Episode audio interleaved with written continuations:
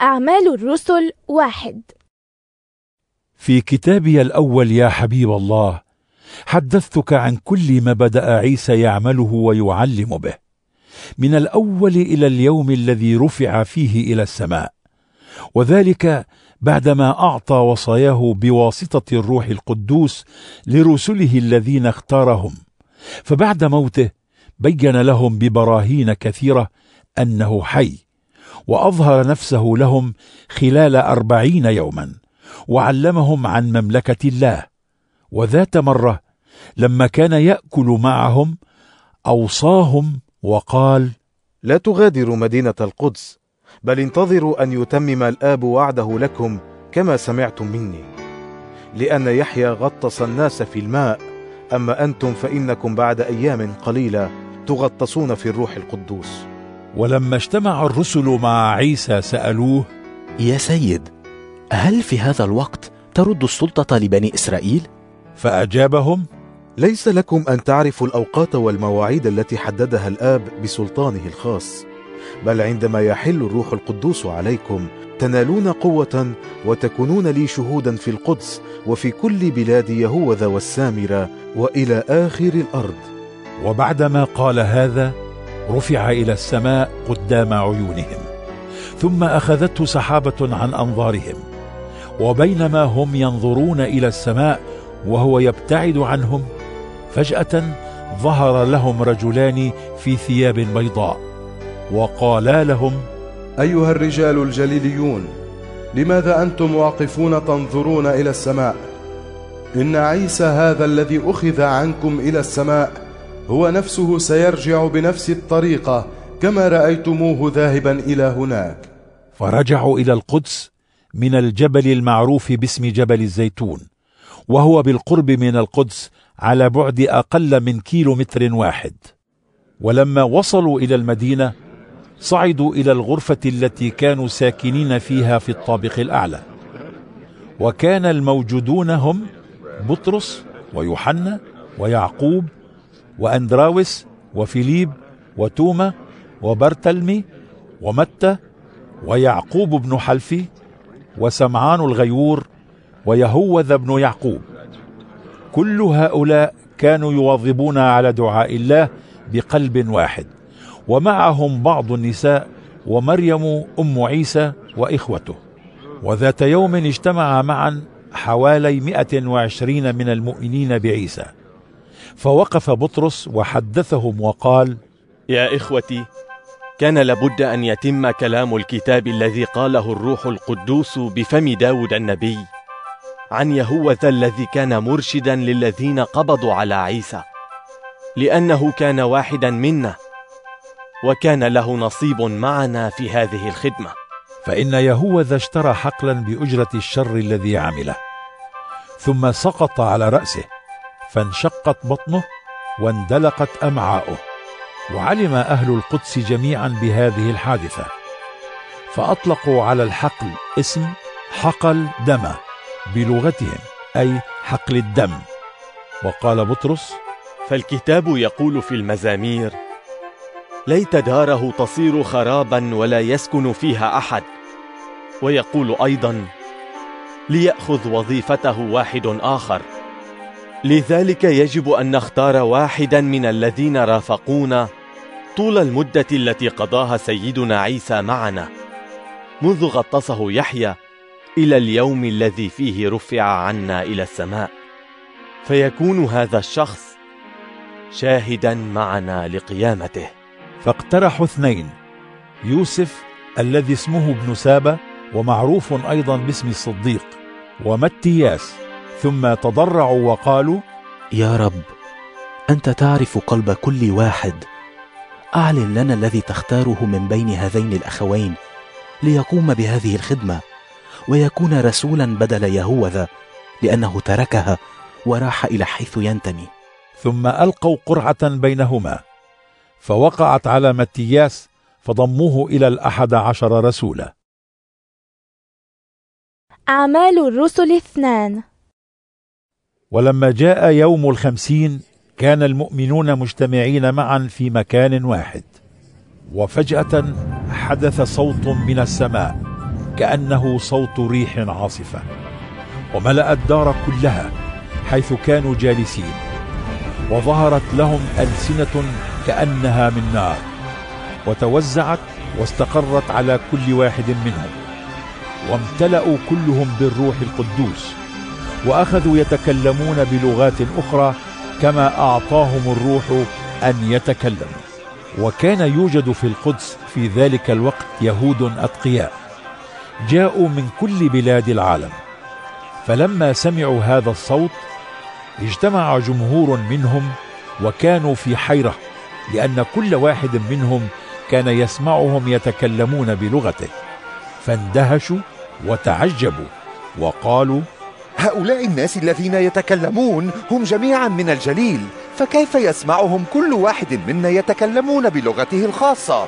نحن من فرتية ومادي وعيلام وبعضنا من سكان ما بين النهرين ويهوذا وكبدوكيا وبونتوس وآسيا وفريجية وبنفيلية ومصر ومنطقة ليبيا التي بالقرب من القيروان بالإضافة إلى زائرين من روما يهود ومتهودين وأيضا من كريت ومن بلاد العرب.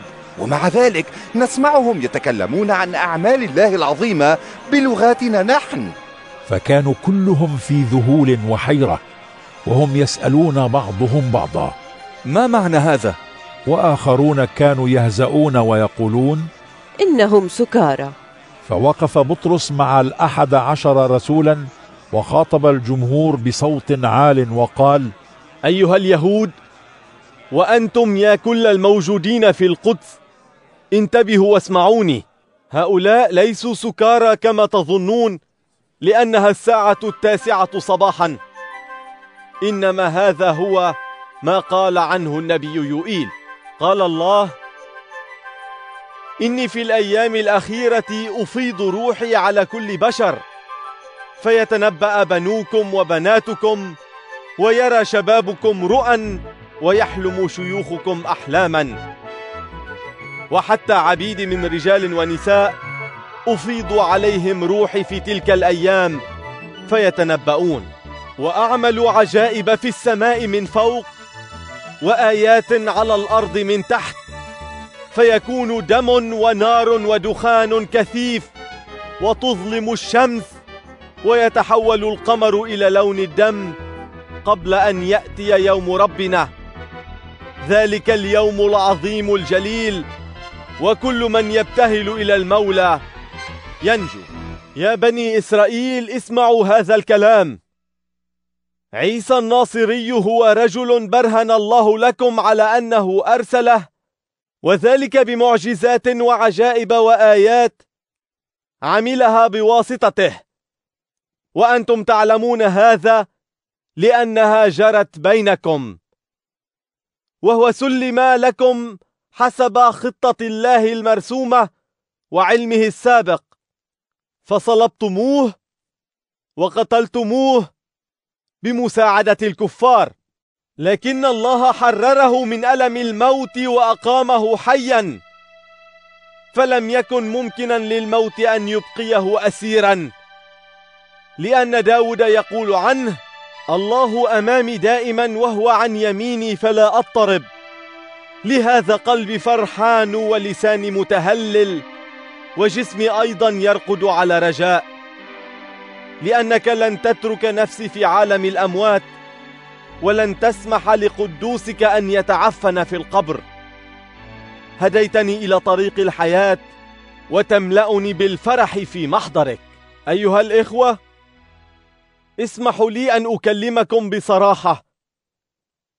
أبونا داود مات ودفن وقبره موجود هنا إلى هذا اليوم. وقد كان نبيا وعرف أن الله حلف له بقسم بأن يضع واحدا من نسله على عرشه. فرأى المستقبل وتحدث عن قيامة المسيح بقوله إن الله لن يتركه في عالم الأموات وإن جسمه لن يتعفن في القبر. فعيسى هذا أقامه الله حيا. ونحن كلنا نشهد بذلك. ولما رفع إلى يمين الله نال من الآب الروح القدوس الموعود به وأفاضه علينا. وهذا هو الذي ترونه وتسمعونه الآن.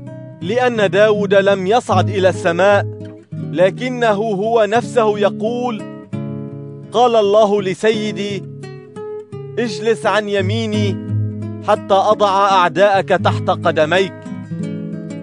اذا يجب على كل بني إسرائيل أن يعرفوا بكل تأكيد أن عيسى هذا الذي أنتم صلبتموه جعله الله المسيح. سيد الكل.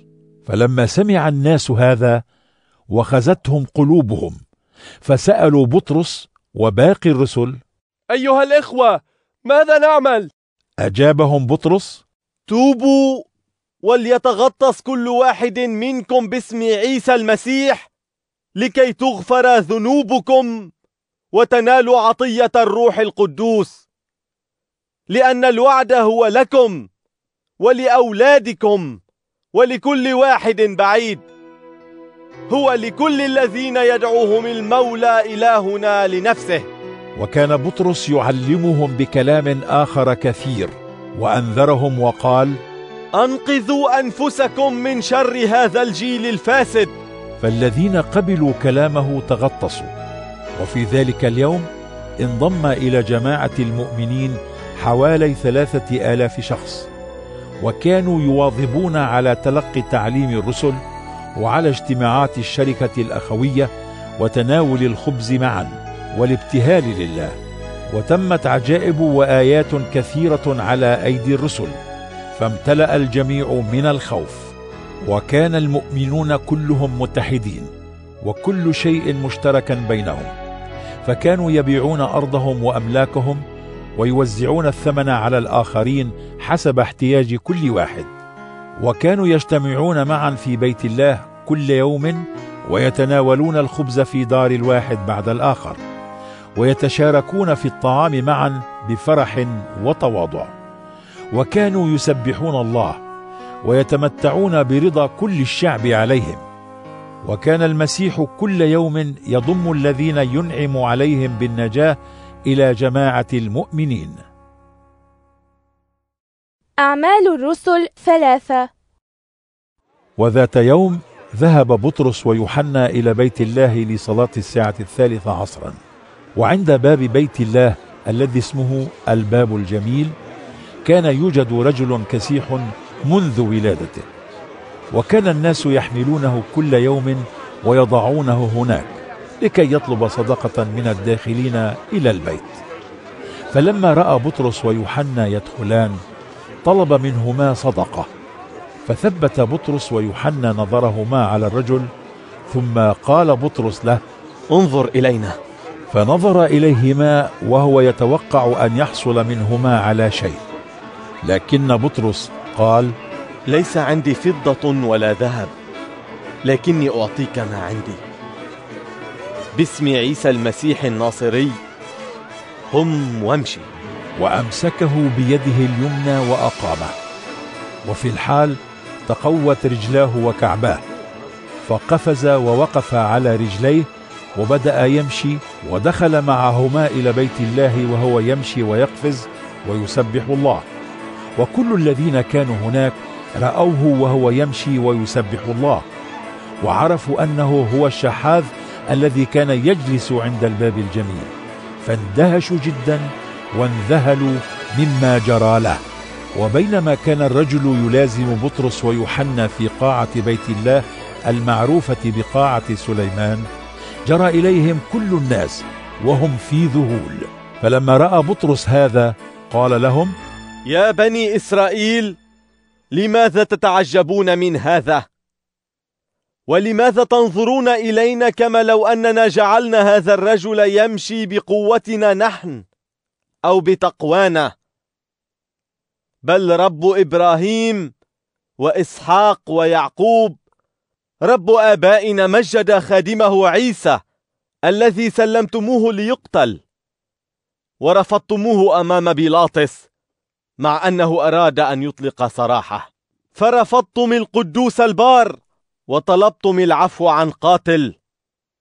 أنتم قتلتم واهب الحياة لكن الله أقامه من الموت ونحن شهود بذلك.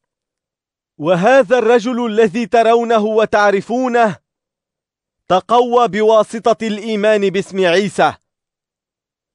فالإيمان بعيسى أعطاه هذا الشفاء التام كما ترون جميعا. والآن يا إخوتي أنا عارف أنكم أنتم وقادتكم عملتم هذا عن جهل. لكن الله بهذا أتم ما أنبأ به من قبل بواسطة جميع الأنبياء وهو أن مسيحه يتألم. فتوبوا وارجعوا إلى الله لكي يمحو ذنوبكم. فتأتي أوقات الفرج من عنده ويرسل المسيح الذي اختاره لكم أي عيسى. فهو لا بد أن يبقى في السماء إلى وقت إصلاح كل الأمور كما أوحى الله منذ القديم إلى أنبيائه الصالحين. فإن موسى قال سيقيم لكم المولى إلهكم من بين شعبكم نبيا مثلي فأطيعوا كل ما يقوله لكم وكل من لا يطيعه يباد من بين الشعب. وكذلك تنبأ عن هذه الأيام جميع الأنبياء من صاموئيل وكل من جاء برسالة بعده. فالبركات التي تنبأ بها هؤلاء الأنبياء هي لكم وكذلك لكم العهد الذي أعطاه الله لآبائكم لما قال لإبراهيم بواسطة نسلك أبارك كل شعوب الأرض فإن الله أقام خادمه وأرسله لكم أنتم أولا لكي يبارككم بأن يرجع كل واحد منكم عن سلوكه الشرير. أعمال الرسل أربعة. وبينما كان بطرس ويوحنا يكلمان الشعب أقبل عليهما الأحبار وقائد حرس بيت الله والصدوقيون وكانوا متضايقين جدا لأن بطرس ويوحنا كانا يعلمان الشعب ويقولان إن الموتى سيقومون إلى الحياة كما قام عيسى. فقبضوا عليهما ووضعوهما في الحبس إلى الغد لأن المساء كان قد حل. لكن كثيرين من الذين سمعوا الرسالة آمنوا وصار عدد المؤمنين من الرجال حوالي خمسة آلاف. وفي الغد اجتمع قادة اليهود والشيوخ والفقهاء في القدس وكان هناك حنا رئيس الأحبار وأيضا قيافة ويوحنا واسكندر وجميع الذين ينتمون إلى عائلة رئيس الأحبار. فأحضروا بطرس ويوحنا قدامهم وسألوهما بأي قوة وباسم من فعلتما هذا؟ فامتلأ بطرس من الروح القدوس وأجابهم يا قادة الشعب وشيوخهم أنتم تسألوننا اليوم عن معروف صنعناه مع مريض وتريدون أن تعرفوا كيف شفي. إذا فاعلموا جميعا وليعلم كل بني إسرائيل أن هذا الرجل يقف أمامكم سليما بقوة اسم عيسى المسيح الناصري. الذي أنتم صلبتموه لكن الله أقامه من الموت. فإن عيسى هذا هو الحجر الذي رفضتموه أيها البناؤون. وقد صار تاج البناء. لا نجاة بغيره لأنه لا يوجد في العالم كله اسم آخر أعطي للناس ننال به النجاة.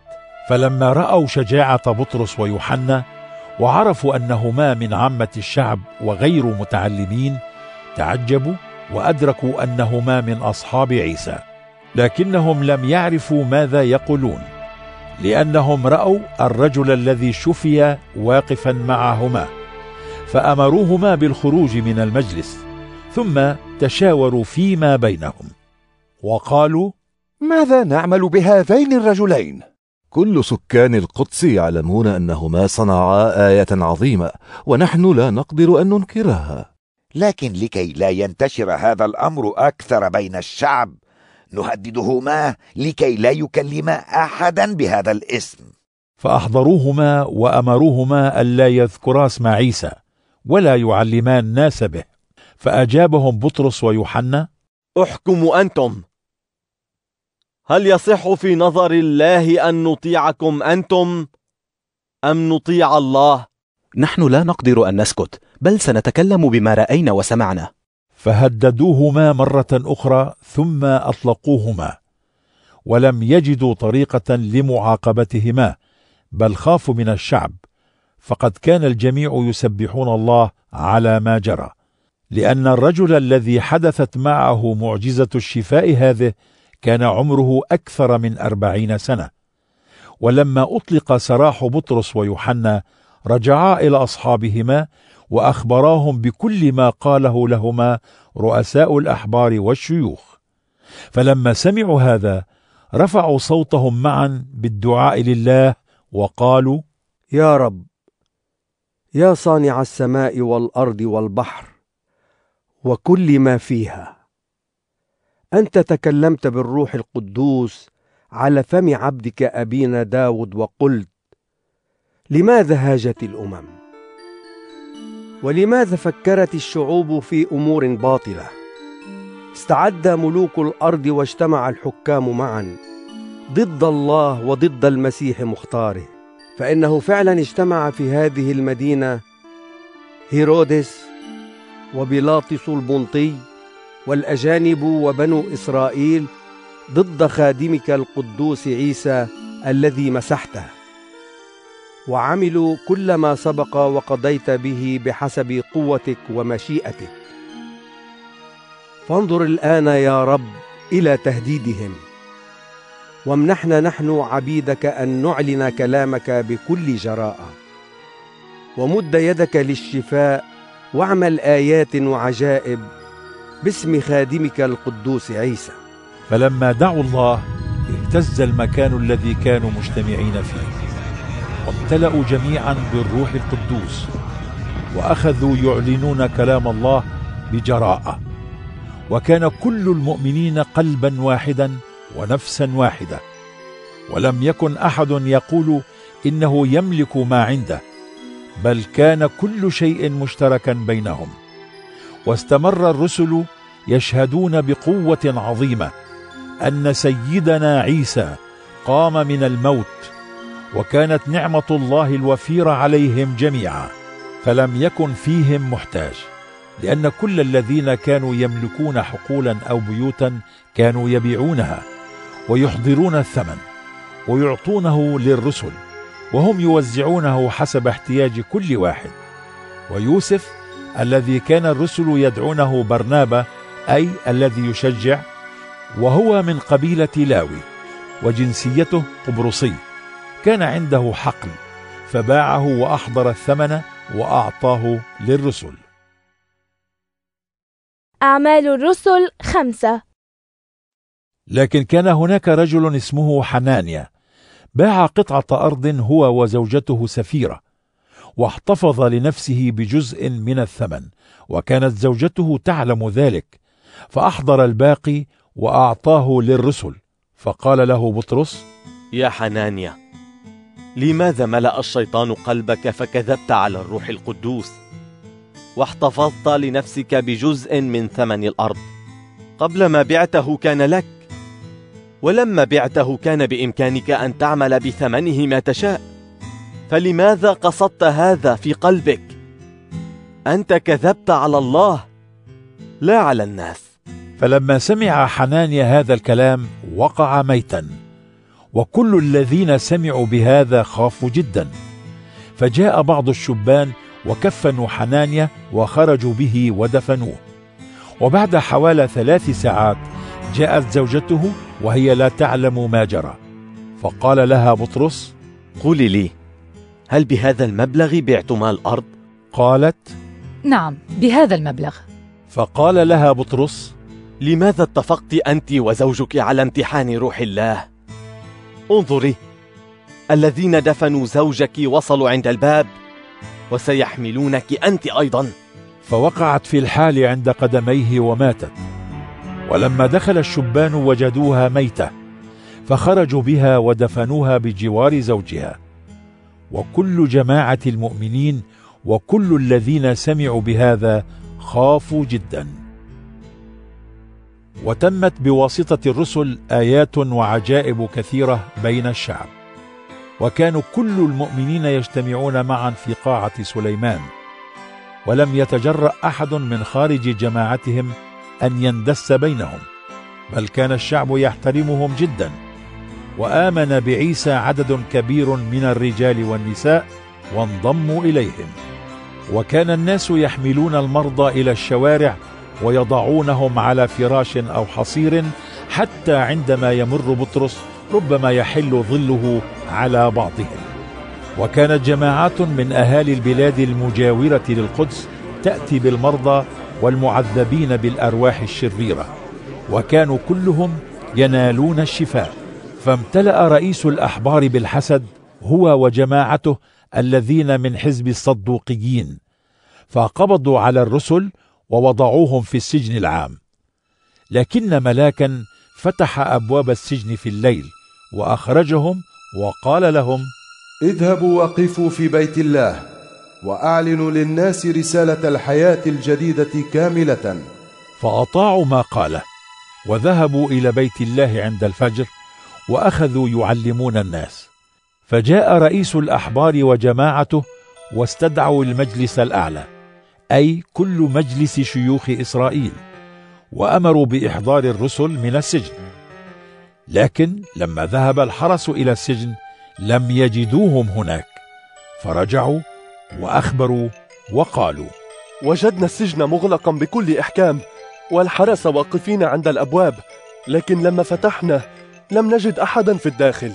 فلما سمع قائد حرس بيت الله ورؤساء الأحبار هذا الكلام تحيروا وقالوا يا ترى ماذا حدث؟ فجاء واحد وقال لهم الرجال الذين وضعتموهم في السجن هم في بيت الله واقفون يعلمون الشعب. فذهب قائد الحرس ورجاله وأحضروهم بغير عنف لأنهم خافوا أن يرجمهم الشعب.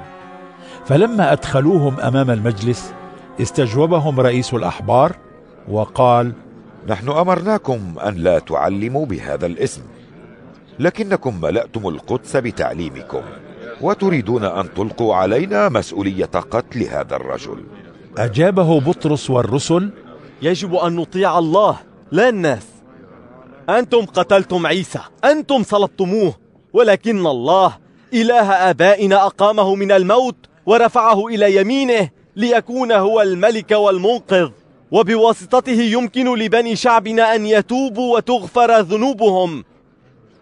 ونحن نشهد بهذا وكذلك يشهد الروح القدوس الذي أعطاه الله للذين يطيعونه. فلما سمع أعضاء المجلس هذا الكلام غضبوا وأرادوا أن يقتلوا الرسل. لكن واحدا منهم اسمه غملائيل وهو فريسي وأستاذ في الشريعة وكان كل الشعب يحترمه. وقف في المجلس وأمر بإخراج الرسل قليلا. ثم قال لأعضاء المجلس يا بني إسرائيل إياكم أن تنفذوا ما تنوون بهؤلاء الرجال لأنه منذ بعض الوقت قام توداس وقال إنه رجل عظيم فتبعه حوالي أربعمائة رجل. ولكنه قتل وتفرق كل أتباعه وانتهى أمرهم. وبعد ذلك قام يهوذا الجليلي في أيام الإحصاء وجذب وراءه جماعة من الناس. لكنه هو أيضا قتل وتفرق كل أتباعه.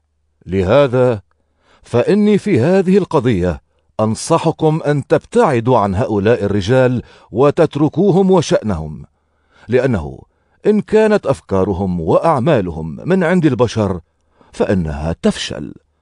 أما إن كانت فعلا من عند الله فلن تقدروا أن تغلبوهم بل يتضح أنكم تحاربون الله. فعمل المجلس بنصيحته واستدعوا الرسل وجلدوهم وأمروهم ألا يتكلموا باسم عيسى.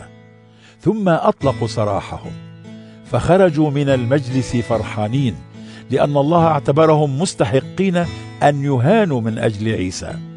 وكانوا كل يوم في بيت الله ومن دار إلى دار يعلمون ويبشرون بلا توقف أن عيسى هو المسيح. أعمال الرسل ستة. ولما كثر عدد التلاميذ حدث ذات يوم أن المؤمنين الذين هم أصلا يهود من بلاد أجنبية اشتكوا ضد الذين هم أصلا يهود من أهل البلاد لأنهم كانوا يهملون أراملهم في توزيع المعونة اليومية. فدعا الرسل الاثنى عشر كل جماعة التلاميذ وقالوا لهم لا يصح لنا أن نهمل خدمة كلمة الله لنقوم بتوزيع الطعام.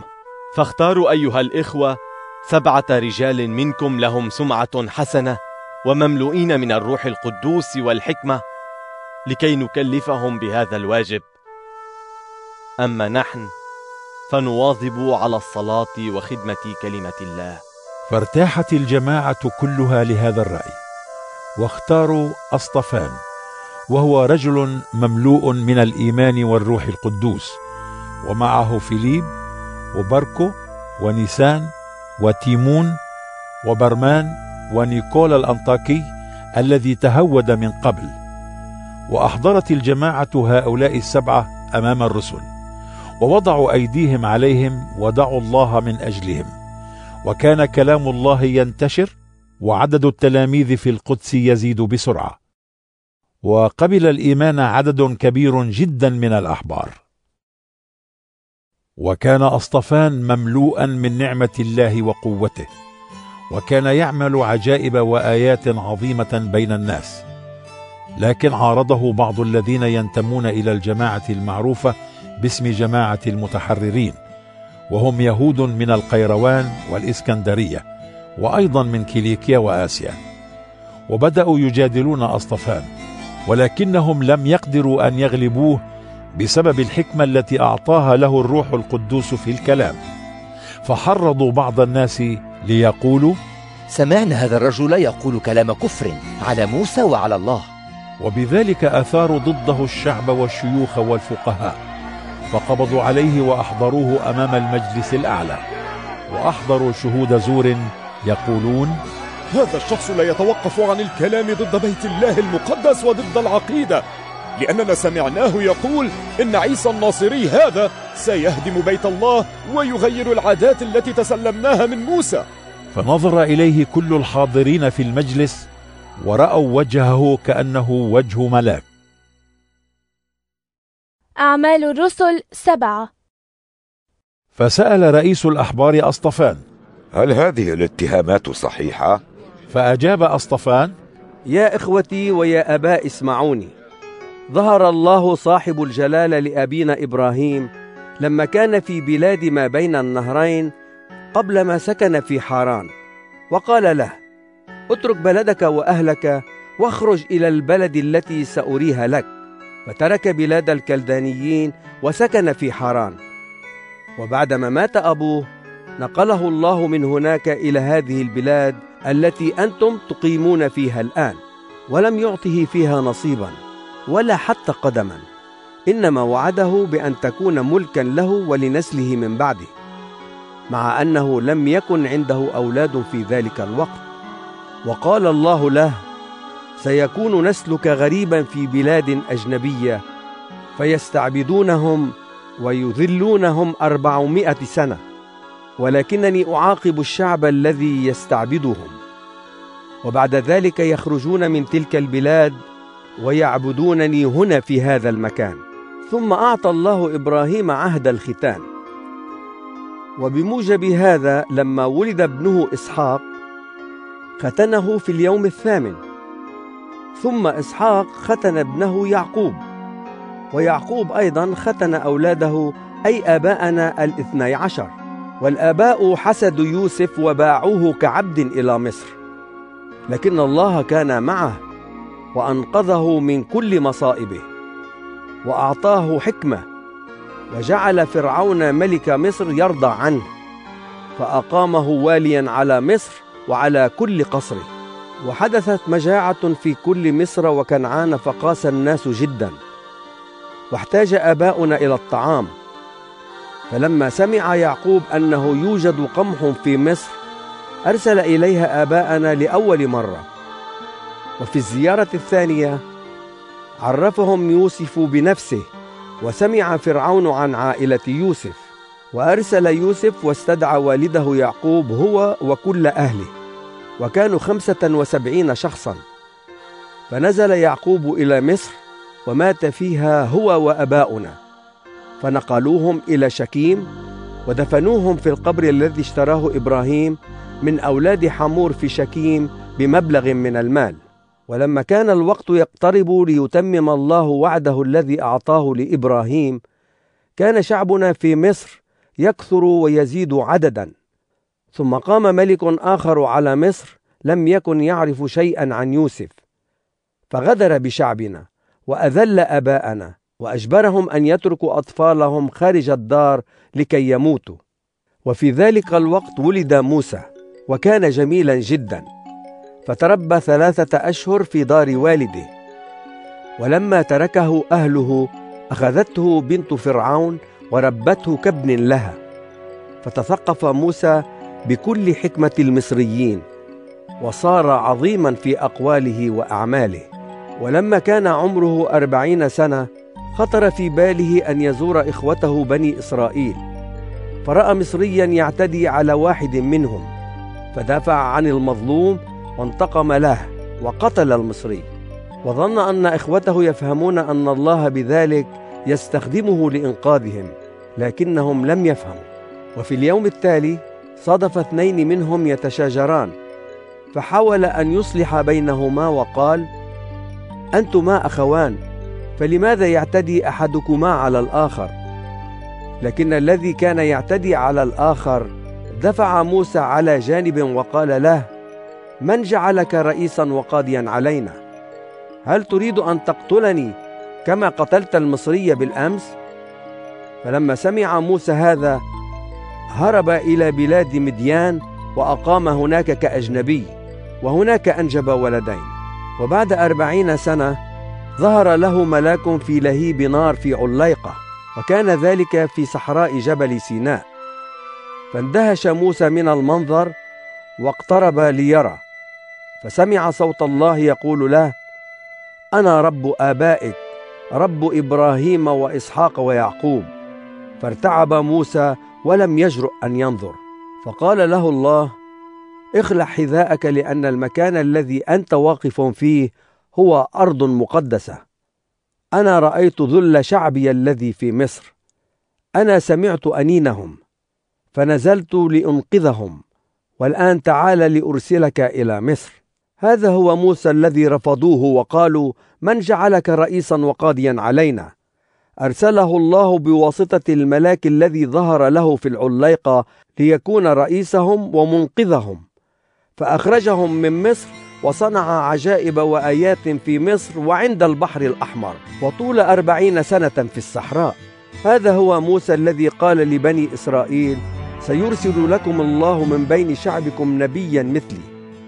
هذا هو الذي كان مع جماعة الشعب في الصحراء وسيطا بين الملاك الذي كلمه في جبل سيناء وآبائنا. فتلقى كلاما يمنح الحياة وأعطاه لنا. لكن آباءنا رفضوا أن يطيعوا موسى ولم يقبلوه. بل رجعوا بقلوبهم إلى مصر وقالوا لهارون اصنع لنا آلهة تهدينا في سيرنا. لأن موسى هذا الشخص الذي أخرجنا من مصر لا نعلم ماذا جرى له في ذلك الوقت صنعوا صنما على شكل عجل وقدموا له ضحايا وفرحوا بما صنعته أيديهم لكن الله تركهم وسلمهم ليعبدوا نجوم السماء كما يقول الوحي في كتاب الأنبياء يا بني إسرائيل هل قدمتم لي ضحايا وقرابين طول أربعين سنة في الصحراء؟ لا بل حملتم معكم خيمة الإله مولخ ونجم الإله رفان والتماثيل التي صنعتموها لتعبدوها. لذلك أنفيكم إلى أبعد من بابل. ولما كان آباؤنا في الصحراء كانت خيمة العهد معهم فإن موسى صنعها حسب المثال الذي رآه كما أمره الله. وبعد ذلك تسلمها آباؤنا وأحضروها إلى هذه البلاد تحت قيادة يشوع. فإنهم احتلوا هذه البلاد بعدما طرد الله من أمامهم الشعوب التي كانت فيها. وبقيت الخيمة هنا إلى وقت داود. ونال داود رضا الله فطلب من الله أن يسمح له أن يبني مسكنا لرب يعقوب. لكن سليمان هو الذي بنى له بيتا. إلا أن الله العلي لا يسكن في بيوت من صنع البشر كما قال النبي. قال الله السماء عرشي والأرض هي المكان الذي أضع فيه قدمي. فهل تبنون لي بيتا أو مكانا أرتاح فيه؟ ألم أصنع أنا كل هذه الأشياء بيدي؟ أيها الشعب العنيد يا من قلوبكم قاسية وأذانكم صماء.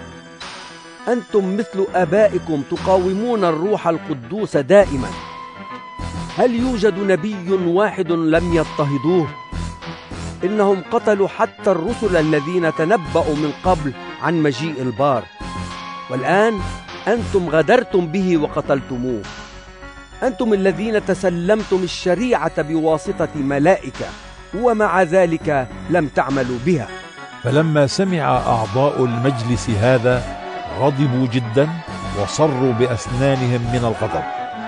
لكن أصطفان نظر إلى السماء وهو ممتلئ بالروح القدوس فرأى جلال الله وعيسى واقفا عن يمين الله فقال انظروا إني أرى السماء مفتوحة والذي صار بشرا واقفا عن يمين الله. فسدوا أذانهم وصرخوا بأعلى صوتهم وهجموا عليه كلهم دفعة واحدة وراحوا به إلى خارج المدينة. وأخذوا يرجمونه بالحجارة. ووضع الشهود ثيابهم عند قدمي شاب اسمه شاول وبينما هم يرجمون أصطفان ابتهل وقال يا مولاي عيسى اقبل روحي ثم وقع على ركبتيه وصرخ يا مولاي لا تحسب هذا الذنب ضدهم. ولما قال هذا توفي. أعمال الرسل ثمانية. وكان شاول موافقا على قتل أصطفان. وفي ذلك اليوم هاج اضطهاد شديد ضد المؤمنين الذين في القدس فتشتتوا كلهم في أنحاء يهوذا والسامرة. أما الرسل فبقوا في القدس. وقام بعض الرجال الأتقياء بدفن أصطفان وبكوا عليه بشدة. أما شاول فكان يسعى إلى خراب أمة المسيح. فكان يذهب من دار إلى دار ويجر من هناك الرجال والنساء ويرميهم في السجن. والذين تشتتوا ذهبوا من مكان إلى آخر وهم يبشرون بكلام الله. فذهب فيليب إلى مدينة في السامرة وبشر بالمسيح. ولما كانت الجماهير تسمع فيليب يتحدث وترى الآيات التي كان يعملها كانوا يصغون بكل انتباه إلى كلامه. وكانت الأرواح الشريرة تصرخ وتخرج من كثيرين. وكذلك نال الشفاء عدد كبير من المشلولين والعرج فامتلأت المدينة بالفرح. وكان في المدينة رجل اسمه سيمون. كان يدهش أهل السامرة لأنه يمارس السحر ويدعي أنه شخص غير عادي. وصدقه الجميع من العظيم إلى البسيط وقالوا إنه هو القدرة الإلهية التي اسمها القوة العظيمة. وقد صدقوه لأنه كان يدهشهم بسحره زمانا طويلا. لكن لما أعلن لهم فيليب بشرى قيام مملكة الله وأخبرهم عن قوة اسم عيسى المسيح آمنوا وتغطسوا رجالا ونساء. وسيمون نفسه آمن أيضا وتغطس. وكان يلازم فيليب في كل مكان ويتعجب من الآيات والمعجزات العظيمة التي كان يراها. وسمع الرسل في القدس أن أهل السامرة قبلوا كلام الله فأرسلوا لهم بطرس ويوحنا فذهبا وتضرعا من أجلهم لكي ينالوا الروح القدوس لأنه لحد ذلك الوقت لم يكن حل على أحد منهم إنما كانوا قد تغطسوا باسم المسيح عيسى. فوضع بطرس ويوحنا أيديهما عليهم فنالوا الروح القدوس. ولما رأى سيمون أن الروح القدوس يحل على المؤمنين عندما يضع الرسل أيديهم عليهم عرض على بطرس ويوحنا بعض النقود وقال لهما أعطياني أنا أيضا هذه المقدرة لكي ينال الروح القدوس كل من وضعت يدي عليه. فقال له بطرس ستهلك أنت ونقودك. لأنك ظننت أن تشتري هبة الله بالنقود. ليس لك نصيب ولا قسمة في هذا لأن قلبك غير مخلص في نظر الله. فتب عن شرك هذا واطلب من المولى لعله يغفر لك الأمر الذي فكرت به في قلبك. لأني أرى أنك مملوء بمرارة الحسد ومقيد بالشر. فقال سيمون اطلبا أنتما من المولى لكي لا يصيبني شيء مما ذكرتما. وبعدما قدم بطرس ويوحنا شهادتهما وأعلنا رسالة المسيح رجعا إلى القدس. وفي الطريق كانا يناديان بالبشرى في قرى كثيرة في منطقة السامرة. وكلم ملاك فيليب وقال له استعد أن تذهب في الظهر إلى الطريق الصحراوي بين القدس وغزة. فاستعد فيليب وذهب. وفي الطريق قابل رجلا من الحبشة كان راجعا إلى بلاده بعدما زار القدس للحج. وكان هذا الرجل من كبار القوم ويعمل وزيرا للخزانة عند كنداكا ملكة الحبشة. وبينما هو جالس في مركبته كان يقرأ في كتاب النبي إشعيا. فقال الروح القدوس لفيليب تقدم ورافق المركبة. فجرى فيليب إلى المركبة وسمع الرجل يقرأ كلام النبي إشعيا. فقال له هل أنت فاهم ما تقرأ؟ فأجاب كيف أفهم إن لم يشرح لي أحد؟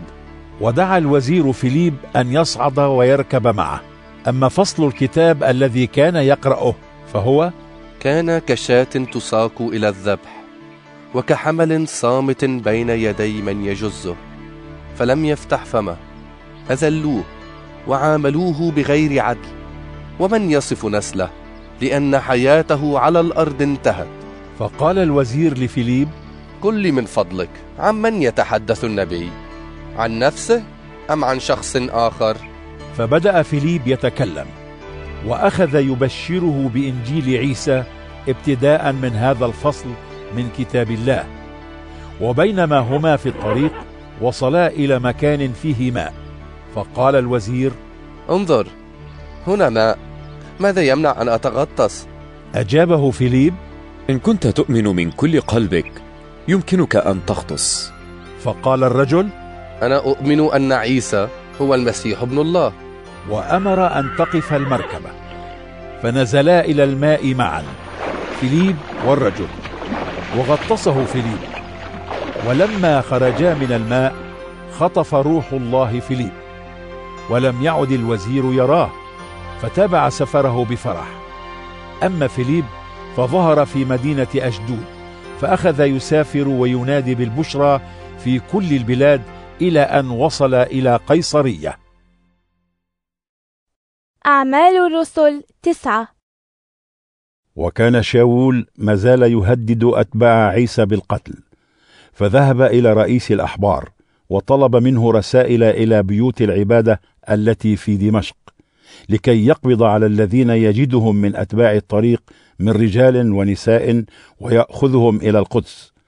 وبينما هو مسافر وكان قد اقترب من دمشق فجأة أضاء حوله نور من السماء فوقع على الأرض وسمع صوتا يقول له يا شاول يا شاول لماذا تضطهدني فقال شاول من أنت يا سيد؟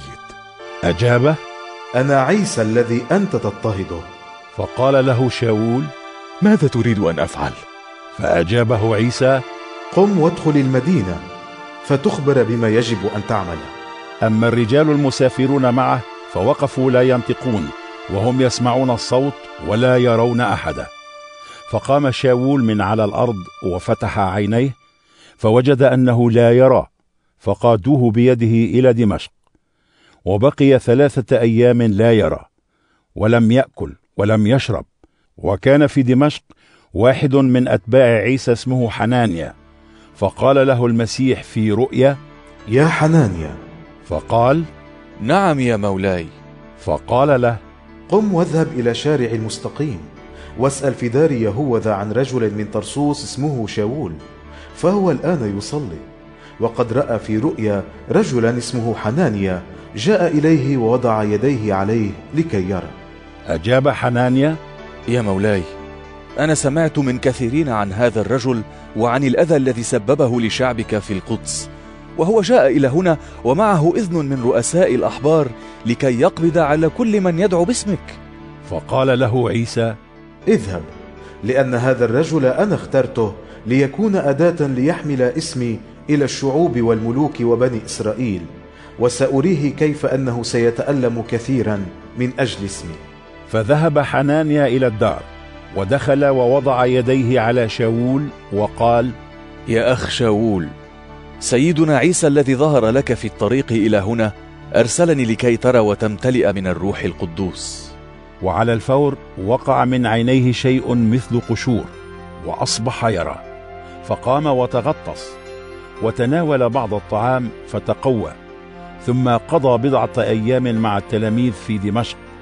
وذهب شاول مباشرة إلى بيوت العبادة وبدأ ينادي أن عيسى هو ابن الله فاندهش كل الذين سمعوه وقالوا أليس هذا هو الذي كان يحاول أن يبيد الذين يدعون بهذا الاسم في القدس وجاء إلى هنا بقصد أن يقبض عليهم ويأخذهم إلى رؤساء الأحبار؟ أما شاول فكان يزداد قوة وكان يحير اليهود المقيمين في دمشق بالأدلة التي كان يقدمها على أن عيسى هو المسيح. وبعد فترة من الوقت تآمر اليهود ليقتلوه. فكانوا يراقبون بوابات المدينة نهارا وليلا لكي يقتلوه. لكن شاول سمع عن المؤامرة فأخذه أتباعه في الليل وأنزلوه من السور في قفة. ولما وصل شاول إلى القدس حاول أن ينضم إلى المؤمنين لكنهم كلهم خافوا منه ولم يصدقوا أنه أصبح مؤمنا بعيسى.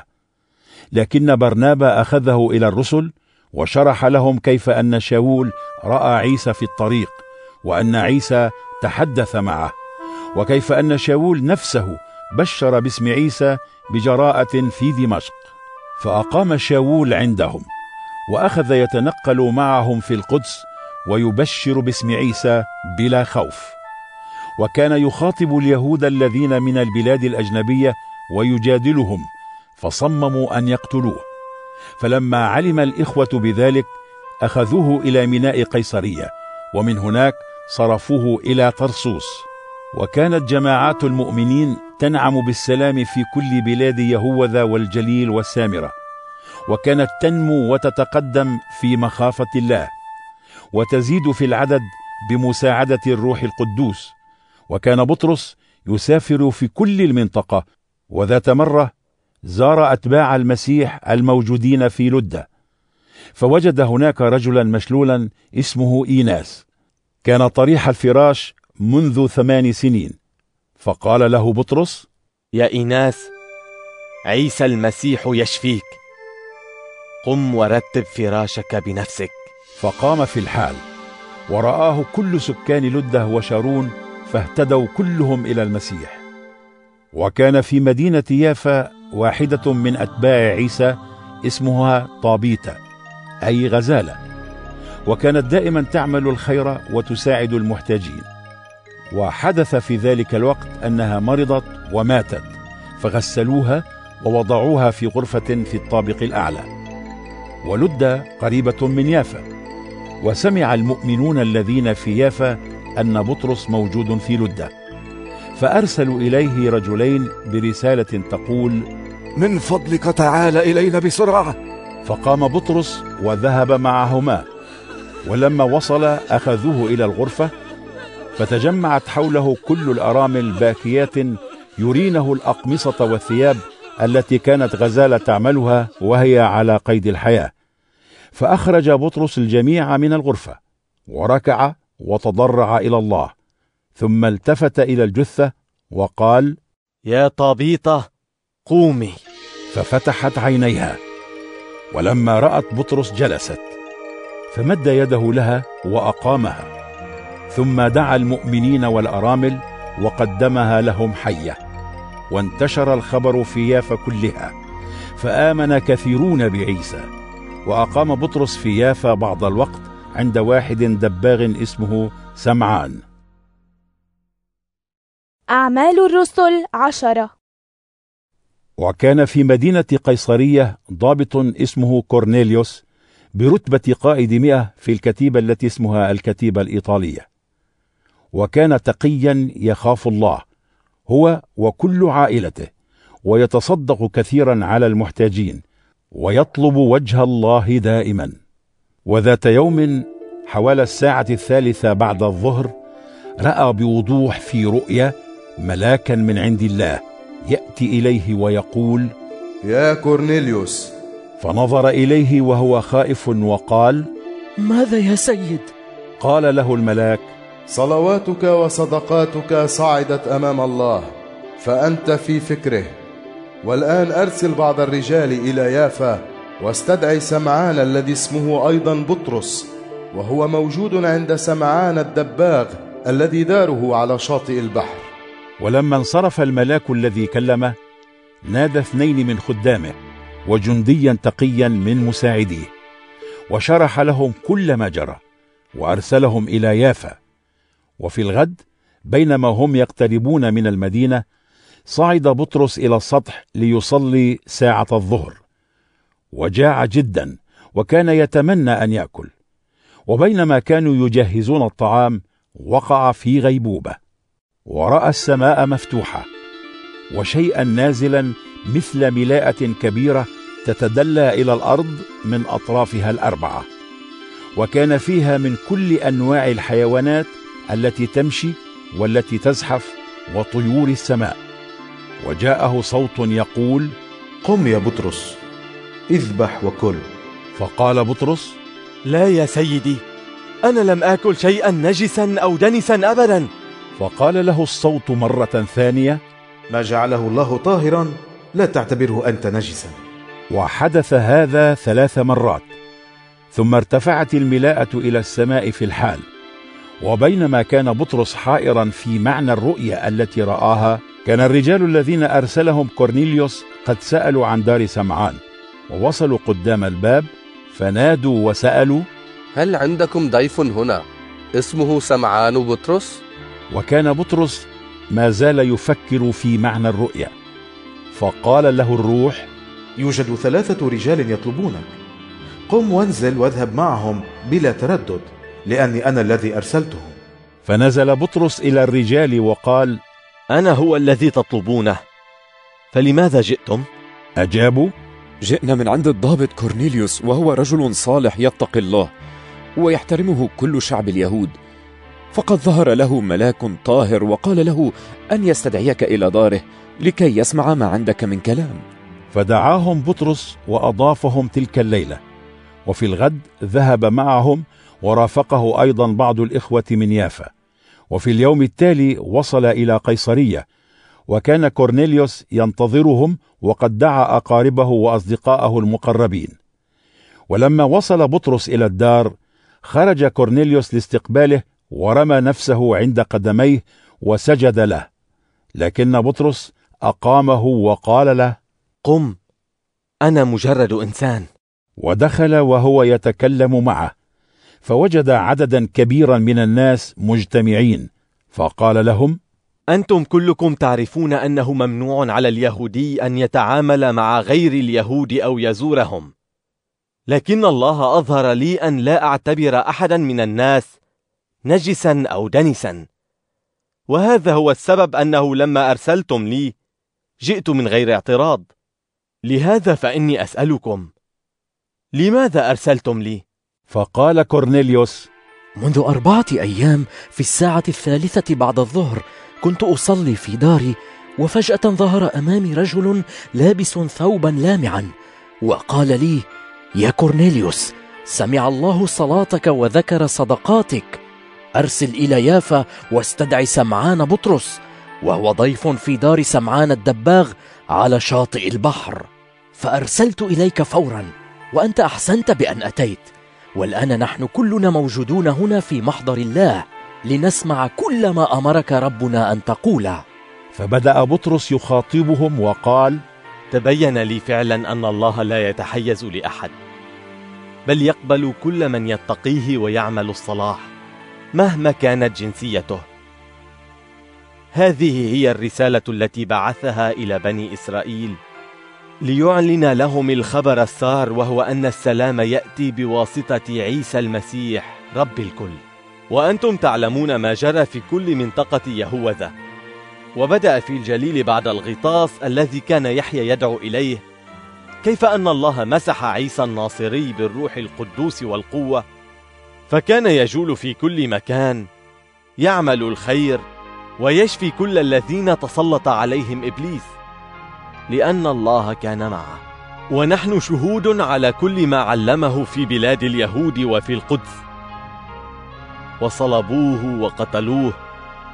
لكن الله أقامه حيا في اليوم الثالث. وجعله يظهر لا لكل الناس بل للشهود الذين اختارهم الله من قبل. أي نحن الذين أكلنا وشربنا معه بعدما قام من الموت. ثم أمرنا أن نبشر الناس ونعلن لهم أنه هو الذي عينه الله ليكون ديان الأحياء والأموات ويشهد له كل الأنبياء أن كل من يؤمن به ينال غفران الذنوب بواسطة اسمه. وبينما كان بطرس يتكلم بهذا الكلام حل الروح القدوس على كل الذين سمعوا الرسالة. فاندهش المؤمنون اليهود الذين رافقوا بطرس لأن الله أفاض موهبة الروح القدوس على غير اليهود أيضا. لأنهم كانوا يسمعونهم يتكلمون بلغات ويعظمون الله. فقال بطرس هؤلاء الناس نالوا الروح القدوس مثلنا نحن. فهل يستطيع أحد أن يمنعهم من أن يتغطسوا في الماء؟ فأمر بأن يتغطسوا باسم عيسى المسيح ثم طلبوا منه أن يقيم عندهم بضعة أيام. أعمال الرسل أحد عشر. وسمع الرسل والإخوة الذين في بلاد يهوذا أن غير اليهود أيضا قبلوا كلام الله. فلما رجع بطرس إلى القدس انتقده الإخوة المختونون وقالوا له أنت دخلت عند أناس غير مختونين وأكلت معهم. فشرح بطرس لهم الأمور بالتفصيل كما حدثت فقال كنت أصلي في مدينة يافا. فوقعت علي غيبوبة ورأيت رؤيا. رأيت شيئا مثل ملاءة كبيرة تتدلى من السماء من أطرافها الأربعة حتى وصلت إلي. فنظرت فيها جيدا وتأملتها. فوجدت أن فيها من الحيوانات التي تمشي والتي تزحف والوحوش وطيور السماء. ثم سمعت صوتا يقول لي قم يا بطرس اذبح وكل. فقلت لا يا سيدي أنا لم يدخل فمي شيء نجس أو دنس أبدا. فتكلم الصوت من السماء مرة ثانية. ما جعله الله طاهرا لا تعتبره أنت نجسا. وحدث هذا ثلاث مرات. ثم ارتفع كل شيء أيضا إلى السماء. وفي نفس اللحظة وصل إلى الدار التي كنت فيها ثلاثة رجال. كانوا مرسلين إلي من لا. كانوا مرسلين إلي من قيصرية. فقال لي الروح أن أذهب معهم بلا تردد. فذهبت. ورافقني هؤلاء الإخوة الستة. ودخلنا دار الرجل فأخبرنا كيف أنه رأى الملاك يظهر له في داره ويقول له أرسل إلى يافا واستدعي سمعان الذي اسمه بطرس وهو يكلمك كلاما به تنجو أنت وكل عائلتك. فلما بدأت أتكلم حل الروح القدوس عليهم كما حل علينا نحن في الأول.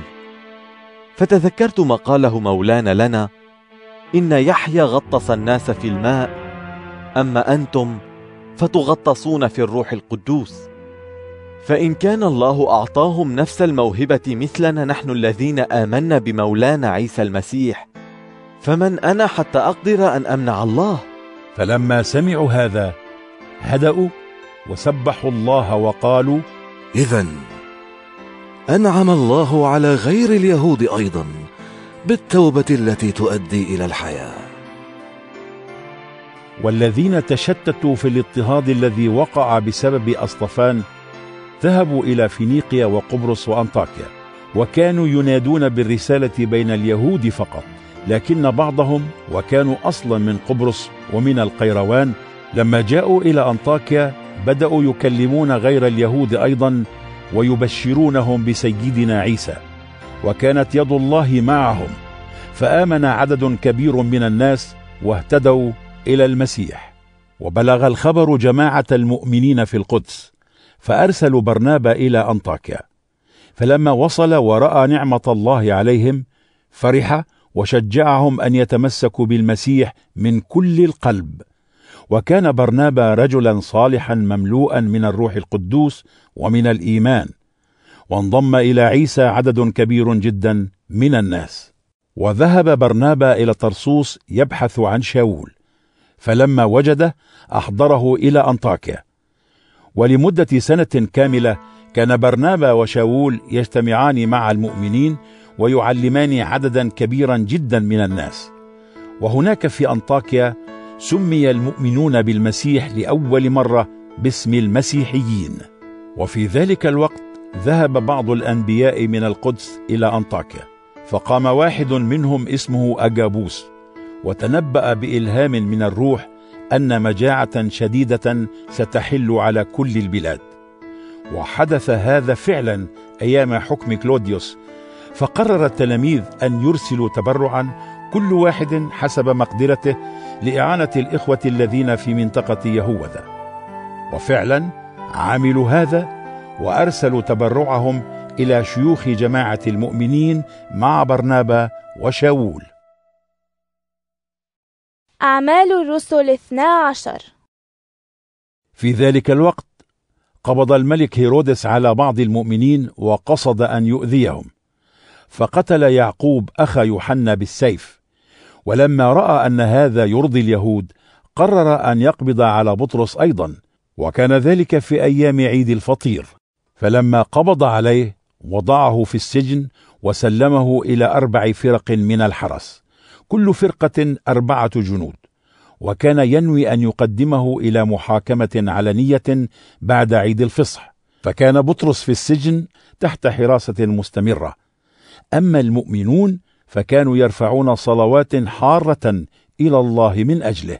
ولما كان هيرودس سيقدمه إلى المحاكمة في الصبح كان بطرس في تلك الليلة نائما بين حارسين ومربوطا بسلسلتين وكان أمام الباب جنود يحرسون السجن وفجأة ظهر ملاك هناك فامتلأت غرفة السجن بالنور وضرب الملاك بطرس على جنبه وأيقظه وقال له قم حالا. فسقطت السلسلتان من يديه ثم قال له الملاك شد حزامك. والبس حذاءك. ففعل. ثم قال له البس عباءتك واتبعني. فخرج بطرس يتبع الملاك. وكان يظن أنه يرى رؤيا ولا يدري أن ما عمله الملاك هو حقيقة.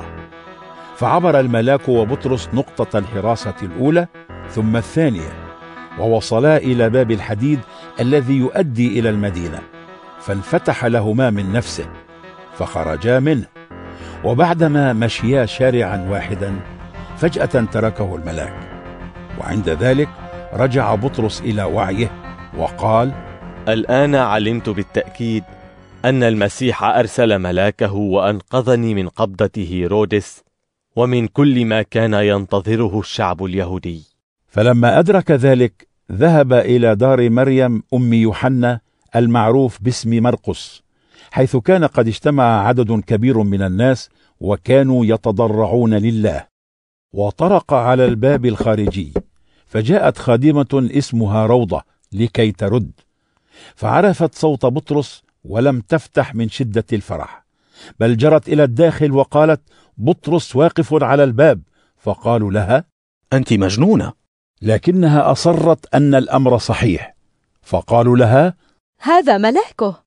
أما بطرس فاستمر يطرق فلما فتحوا الباب ورأوه اندهشوا فأشار لهم بيده أن يسكتوا وحكى لهم كيف أخرجه المولى من السجن ثم قال أخبروا يعقوب والإخوة بهذا.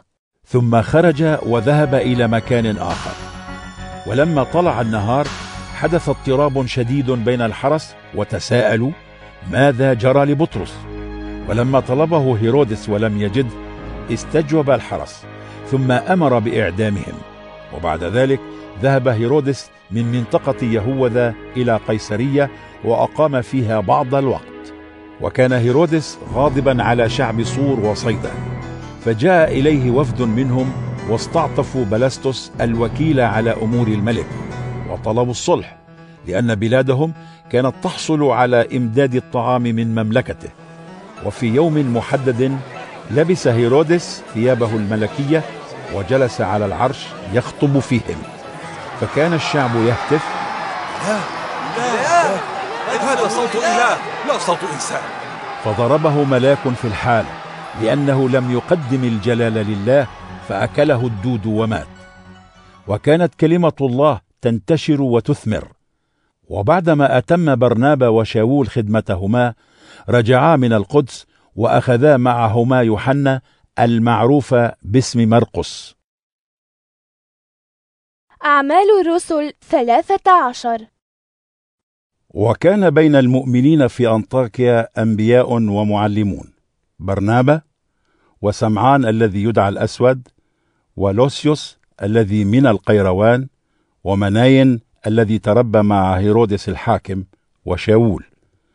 وبينما هم يتعبدون للمولى ويصومون قال الروح القدوس افرزوا لي برنابا وشاول ليقوما بالخدمة التي دعوتهما إليها. فصاموا ووضعوا أيديهم عليهما ودعوا الله من أجلهما وصرفوهما. وبهذا أرسلهما الروح القدوس فذهبا إلى سلوكيا ومنها سافرا عن طريق البحر إلى قبرص. فوصلا إلى سلاميس وبشرا بكلمة الله في بيوت العبادة اليهودية. وكان يوحنا معهما كمساعد. وسافرا في الجزيرة كلها حتى إلى بافوس. وهناك قابلا ساحرا يهوديا اسمه بار يشوع. كان يدعي أنه نبي. وكان مع سيرجيوس بولس الحاكم. وكان الحاكم رجلا ذكيا. فأرسل إلى برنابا وشاول وطلب أن يسمع كلمة الله. فعارضهما عليم الساحر وهذا معنى اسمه وحاول أن يمنع الحاكم عن الإيمان لكن شاول الذي اسمه أيضا بولس امتلأ بالروح القدوس. وقال للساحر في وجهه يا ابن إبليس أيها الممتلئ بالخداع والغش يا عدو كل صلاح ألا تكف عن إفساد طرق ربنا المستقيمة؟ الآن يضربك ربنا فتكون أعمى ولا ترى حتى نور الشمس إلى حين. وفجأة جاء على عينيه ظلام وكان يتلمس ويحاول أن يجد من يقوده بيده. ورأى الحاكم ما جرى فاندهش من التعليم عن عيسى وآمن. وأبحر بولس وزميلاه من بافوس وأقبلوا إلى برجة في بنفيلية. لكن يوحنا ترك بولس وبرنابا ورجع إلى القدس. أما هما فسافرا من برجة ووصلا إلى أنطاكيا التي في بيسيدية وذهبا إلى بيت العبادة يوم السبت وجلسا. وبعد تلاوة فصل من التوراة وكتب الأنبياء أرسل إليهما المسؤولون عن بيت العبادة يقولون أيها الأخوان إن كان عندكما كلمة تشجيع للشعب فتفضلا وتكلما. فوقف بولس وأشار بيده وقال اسمعوني يا بني إسرائيل وغيرهم ممن يتقون الله. إله بني إسرائيل اختار آباءنا. ولما كان هذا الشعب غريبا في مصر رفع شأنهم وأخرجهم من هناك بقوته العظيمة. ثم احتملهم أربعين سنة في الصحراء. وبعد ذلك أهلك سبع أمم في بلاد كنعان وأعطى أرضهم لشعبه. واستغرق كل هذا حوالي أربعمائة وخمسين سنة. ثم أعطاهم قضاة حتى عهد صموئيل النبي. فلما طلبوا ملكا أعطاهم الله شاول بن قيس وهو رجل من قبيلة بنيامين فملك أربعين سنة. ثم خلعه الله وجعل داود ملكا عليهم. وشهد له وقال وجدت داود بن يسى رجلا يرتاح له قلبي فسيعمل كل ما أريده. لكن أهل القدس وقادتهم لم يعرفوا عيسى فحكموا عليه. وبذلك أتموا كلام الأنبياء الذي يقرأ كل سبت. فمع أنهم لم يجدوا أي جرم يستحق عليه الموت طلبوا من بيلاطس أن يقتله. ولما أتموا كل ما قاله الكتاب عنه أنزلوه من على الصليب ووضعوه في قبر. لكن الله أقامه من الموت. وظهر أياما كثيرة للذين ذهبوا معه من الجليل إلى القدس وهم الآن يشهدون له بين شعبنا. فنحن نخبركم بهذه البشارة. إن الله وعد آباءنا والآن أتم الوعد لنا نحن أولادهم. وذلك بأنه أقام عيسى من الموت.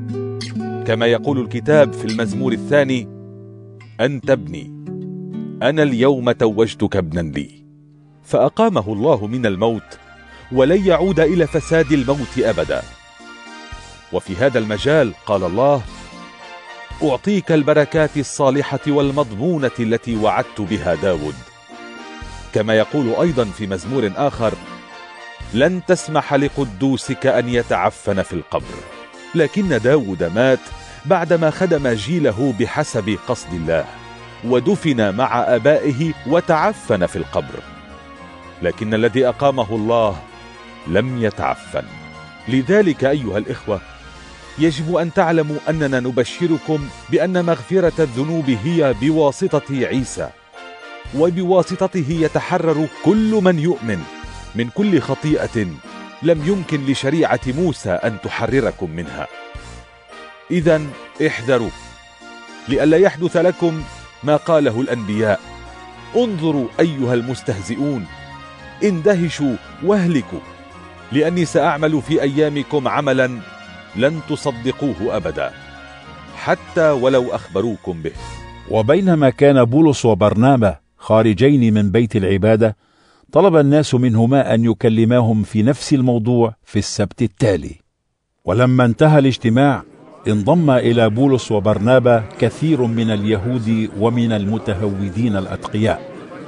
فأخذ بولس وبرنابا يكلمانهم ويشجعانهم أن يتكلوا دائما على نعمة الله. وفي السبت التالي اجتمعت المدينة كلها تقريبا لتسمع كلمة الله. لكن لما رأى اليهود الجماهير امتلأوا بالغيرة فأخذوا يعارضون كلام بولس ويشتمونه. فأجابهم بولس وبرنابا بجراءة وقالا كان من الواجب أن نحدثكم أنتم أولا بكلمة الله. لكن بما أنكم ترفضونها وتحكمون على أنفسكم بأنكم لا تستحقون حياة الخلود فنحن الآن نذهب إلى الشعوب الأخرى. لأن المولى أمرنا وقال جعلتك نورا للأمم لتحمل النجاة إلى آخر الأرض. ففرح غير اليهود لما سمعوا هذا وأكرموا رسالة المسيح وآمن كل الذين اختارهم الله لحياة الخلود. وانتشرت رسالة المسيح في كل المنطقة. لكن اليهود حرضوا النساء ذوات الشأن المتدينات والرجال المسؤولين عن المدينة وأثاروا اضطهادا ضد بولس وبرنابا وطردوهما من منطقتهم. فنفض بولس وبرنابا الغبار عن أرجلهما وذهبا إلى إيقونية. وامتلأ التلاميذ بالفرح وبالروح القدوس. أعمال الرسل أربعة عشر. وفي إيقونيا أيضا ذهب بولس وبرنابا إلى بيت العبادة وأخذا يتكلمان لدرجة أن آمن عدد كبير من اليهود وغير اليهود. لكن اليهود الذين رفضوا أن يؤمنوا أثاروا غير اليهود وسمموا فكرهم ضد الإخوة. فقضى بولس وبرنابا هناك فترة طويلة يتكلمان بجراءة عن نعمة المسيح وكان هو يؤيد رسالتهما بأن أعطاهما القوة لعمل الآيات والعجائب. وانقسم أهل المدينة فانحاز البعض لليهود والبعض الآخر للرسولين. وكانت هناك مؤامرة بين غير اليهود واليهود مع قادتهم ليهجموا عليهما ويرجموهما. فشعر بولس وبرنابا بذلك فهربا إلى مدينتين في ديقونيا هما لسترا ودربة وإلى المناطق المجاورة وهناك ناديا بالبشرى أيضا وكان يجلس في لسترا رجل عاجز الرجلين كان كسيحا منذ ولادته ولم يمشي أبدا وكان يستمع إلى بولس وهو يتكلم فنظر إليه بولس ورأى أن عنده الإيمان ليحصل على الشفاء. فقال له بصوت عال قم وقف على رجليك. فقفز الرجل وأخذ يمشي. فلما رأى الناس ما عمله بولس صرخوا بلغة ديقونيا وقالوا أخذت الآلهة شكل البشر. فأطلقوا على برنابا اسم زيوس وعلى بولس اسم هرمس لأنه المتكلم الرئيسي. وكان بالقرب من المدينة معبد للصنم زيوس. فأحضر كاهنه عجولا وأكاليل زهر إلى بوابة المدينة وأراد هو والشعب أن يقدموا ضحايا لهما فلما سمع الرسولان برنابا وبولس بهذا مزقا ثيابهما وأسرعا إلى الجمهور وهما يصيحان أيها الناس لماذا تعملون هذا؟ نحن مجرد بشر مثلكم ونحن نبلغكم البشرى لكي ترجعوا عن هذه الأمور الفارغة إلى الله الحي الذي صنع السماء والأرض والبحر وكل ما فيها. ففي العصور السابقة سمح لكل الشعوب أن يعملوا ما يريدون ولكنه دائما يقدم الدليل على أنه موجود فيعمل المعروف ويعطيكم المطر من السماء والمحاصيل في وقتها ويشبعكم بالطعام ويملأ قلوبكم بالفرح. وعلى الرغم من هذا الكلام أمكنهما بصعوبة أن يمنعا الناس من تقديم الضحايا لهما.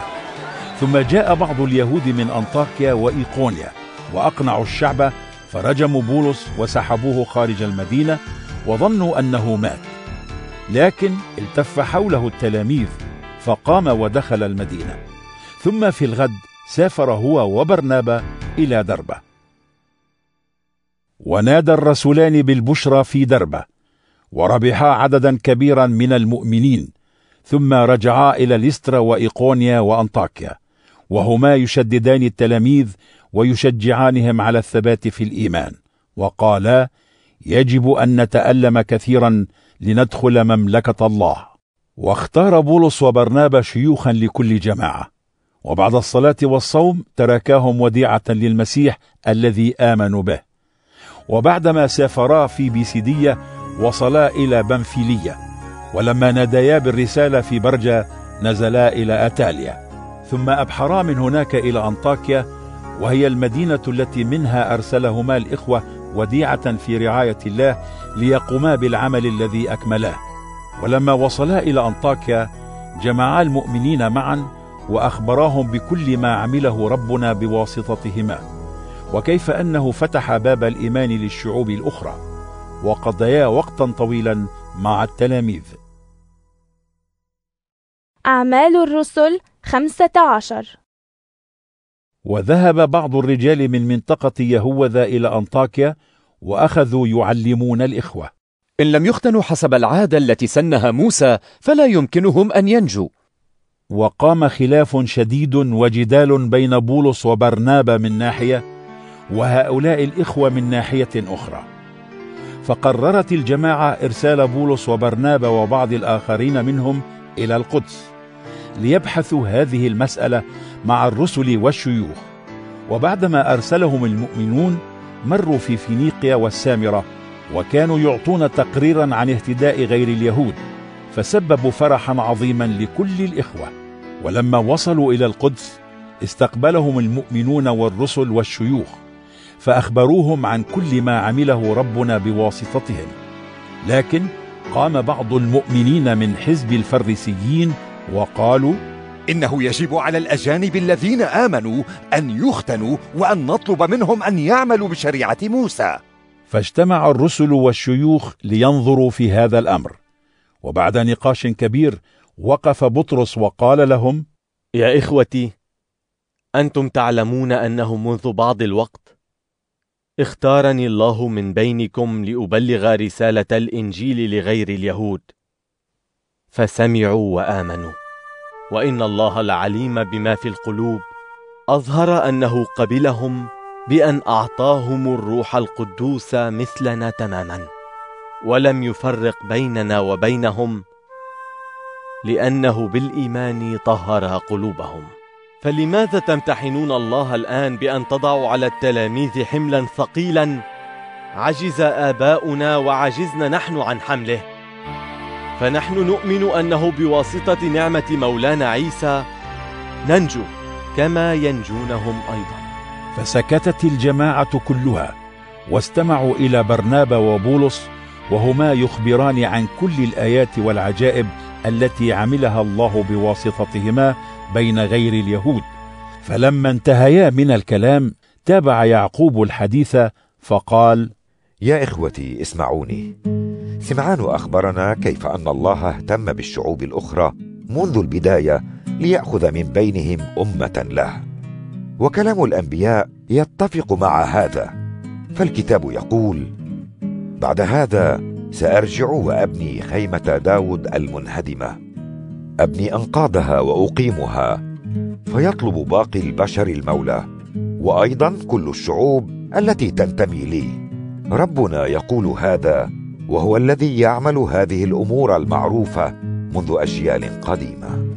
إذا أنا أرى أنه لا يجب أن نصعب الأمور بالنسبة لغير اليهود الذين يرجعون إلى الله بل نكتب لهم ونخبرهم أن يمتنعوا عن الطعام الذي يتنجس بالأصنام وعن الزنا وعن لحم الحيوانات المخنوقة وعن الدم لأن توراة موسى لها من ينادي بها في كل مدينة منذ العصور القديمة ويقرأها الناس في بيوت العبادة كل سبت. وقرر الرسل والشيوخ مع باقي المؤمنين أن يختاروا رجلين من بينهم ويرسلوهما مع بولس وبرنابا إلى أنطاكيا. فاختاروا يهوذا المعروف باسم برسابة وسيلة وهما رجلان يعتبران من القادة بين الإخوة. وأرسلوا معهم هذه الرسالة. من إخوتكم الرسل والشيوخ إلى المؤمنين من غير اليهود في أنطاكيا وسوريا وكيليكيا. بعد التحية سمعنا أنه خرج من عندنا بعض الناس بدون تصريح منا وأزعجوكم وأقلقوا أفكاركم بكلامهم. فاتفقنا جميعا أن نختار رجلين نرسلهما إليكم مع حبيبينا برنابا وبولس. رجلين خاطرا بحياتهما من أجل اسم عيسى المسيح مولانا. هما يهوذا وسيلة ونحن نرسلهما لكي يبلغاكم شفويا ما نكتبه هنا. فقد رأى الروح القدوس ونحن أن لا نثقل عليكم بشيء أكثر من هذا. أن تمتنعوا عن الطعام المقدم للأصنام وعن الدم وعن لحم الحيوانات المخنوقة وعن الزنا. فإن تحاشيتم هذه تفعلون حسنا مع تحياتنا. وانطلق الرجال ونزلوا إلى أنطاكيا حيث جمعوا المؤمنين معا وسلموهم الرسالة فقرأوها وفرحوا بما فيها من تشجيع. وكان يهوذا وسيلة نبيين فقال أشياء كثيرة شجعت الإخوة وقوتهم. وبعدما قضيا بعض الوقت هناك صرفهما الإخوة بسلام ليرجعا من أنطاكيا إلى الذين أرسلوهما. لكن سيلة قرر أن ينتظر هناك. أما بولس وبرنابا فبقيا في أنطاكيا يعلمان ويناديان برسالة المسيح مع كثيرين آخرين أيضا. وبعد فترة من الوقت قال بولس لبرنابا تعال نرجع ونزور الإخوة في كل البلاد التي نادينا فيها برسالة المسيح ونرى كيف حالهم. فأراد برنابا أن يأخذا معهما يوحنا المعروف باسم مرقس.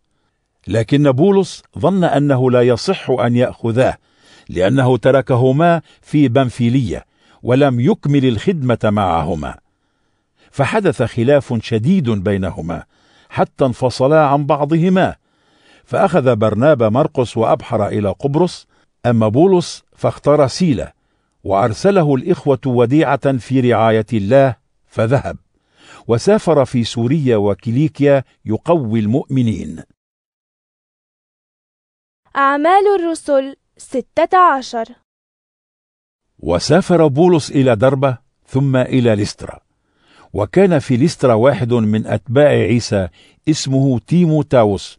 أمه يهودية مؤمنة وأبوه يوناني. وكان الإخوة في لسترا وإيقونيا يمدحونه كثيرا. وأراد بولس أن يأخذه معه في الرحلة فختنه بسبب اليهود الموجودين في تلك المنطقة لأنهم كانوا كلهم يعرفون أن أباه يوناني. فسافروا من مدينة إلى مدينة وكانوا يسلمون القرارات التي حكم بها الرسل والشيوخ في القدس إلى المؤمنين ليعملوا بها. فكان المؤمنون يتقوون في الإيمان ويزداد عددهم كل يوم. وسافروا في منطقة فيريجية وغلاطيا لأن الروح القدوس منعهم من أن يبشروا بالرسالة في مقاطعة آسيا.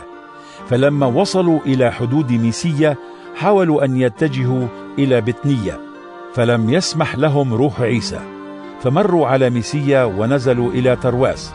وفي الليل رأى بولس رؤيا فيها رجل مقدوني واقف يتوسل إليه ويقول تعال إلى مقدونيا وساعدنا.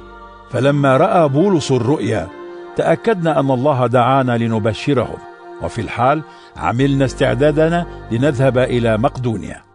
فأبحرنا من ترواس واتجهنا مباشرة إلى ساموتراكي. وفي الغد إلى نيابوليس. ومن هناك سافرنا إلى فيليبي وهي مستعمرة رومانية وأهم مدينة في تلك المنطقة من مقدونيا. وأقمنا هناك عدة أيام. وفي يوم السبت خرجنا من بوابة المدينة إلى ضفة النهر. وكنا نتوقع أن يكون هناك مصلى فجلسنا نكلم النساء المجتمعات هناك. وكان بين المستمعات امرأة تعبد الله من مدينة ثياترا اسمها ليديا وهي تاجرة أقمشة أرجوانية. ففتح المولى قلبها لتقبل كلام بولس. فلما تغطست هي وعائلتها ألحت علينا وقالت إن كنتم تعتبرون أني مؤمنة بالمسيح فتعالوا إلى داري وأقيموا عندي. فأجبرتنا أن نذهب. وذات مرة كنا ذاهبين إلى المصلى فقابلتنا خادمة بها روح يجعلها تعلم الغيب وكانت تجلب لأسيادها مالا كثيرا من قراءة البخت. فهذه الفتاة أخذت تسير وراء بولس ونحن معه وكانت تصرخ هؤلاء الرجال هم عبيد الله العلي وهم يخبرونكم عن طريق النجاة. وظلت تفعل هذا عدة أيام. حتى تضايق بولس جدا فالتفت وقال للروح باسم عيسى المسيح آمرك أن تخرج منها. فخرج في نفس اللحظة فلما رأى أسيادها ذلك عرفوا أن مورد رزقهم ضاع. فأمسكوا بولس وسيلة وجروهما إلى السلطات في الساحة العامة وقدموهما إلى الحكام وقالوا هذان الرجلان يهوديان ويثيران الفوضى في مدينتنا. فهما يناديان بعادات لا يصح لنا نحن الرومانيين أن نقبلها أو نعمل بها. فثار الجمهور ضدهما ومزق الحكام ثيابهما عنهما وأمروا بأن يضربا بالعصي. فضربوهما كثيرا ورموهما في السجن وأمروا السجان بأن يشدد الحراسة عليهما. وتنفيذا لهذا الأمر رماهما في أعماق السجن وأدخل أرجلهما في خشبة التعذيب. وحوالي نصف الليل كان بولس وسيلة يصليان ويسبحان الله بالأغاني والمسجونون الآخرون يستمعون إليهما. وفجأة حدث زلزال عنيف هز أركان السجن. وفي الحال انفتحت كل أبواب السجن وانفكت قيود المسجونين جميعا. فقام السجان من نومه ولما رأى أبواب السجن مفتوحة أخرج سيفه ليقتل نفسه. لأنه ظن أن المسجونين هربوا. فصرخ بولس بأعلى صوته لا تؤذي نفسك نحن كلنا هنا. فطلب السجان نورا واندفع وهو يرتجف من الخوف ورمى نفسه أمام بولس وسيلة. ثم أخرجهما وقال يا سيدي ماذا أعمل لكي أنجو؟ فأجاباه آمن بمولانا عيسى المسيح فتنجو أنت وكل عائلتك. ثم بشراه برسالة المسيح هو وكل أهل داره. فأخذهما في تلك الساعة من الليل وغسل جروحهما. وتغطس في الحال هو وعائلته. ثم أحضرهما إلى داره. وقدم لهما طعاما وامتلأت العائلة كلها بالفرح لأنهم آمنوا بالله.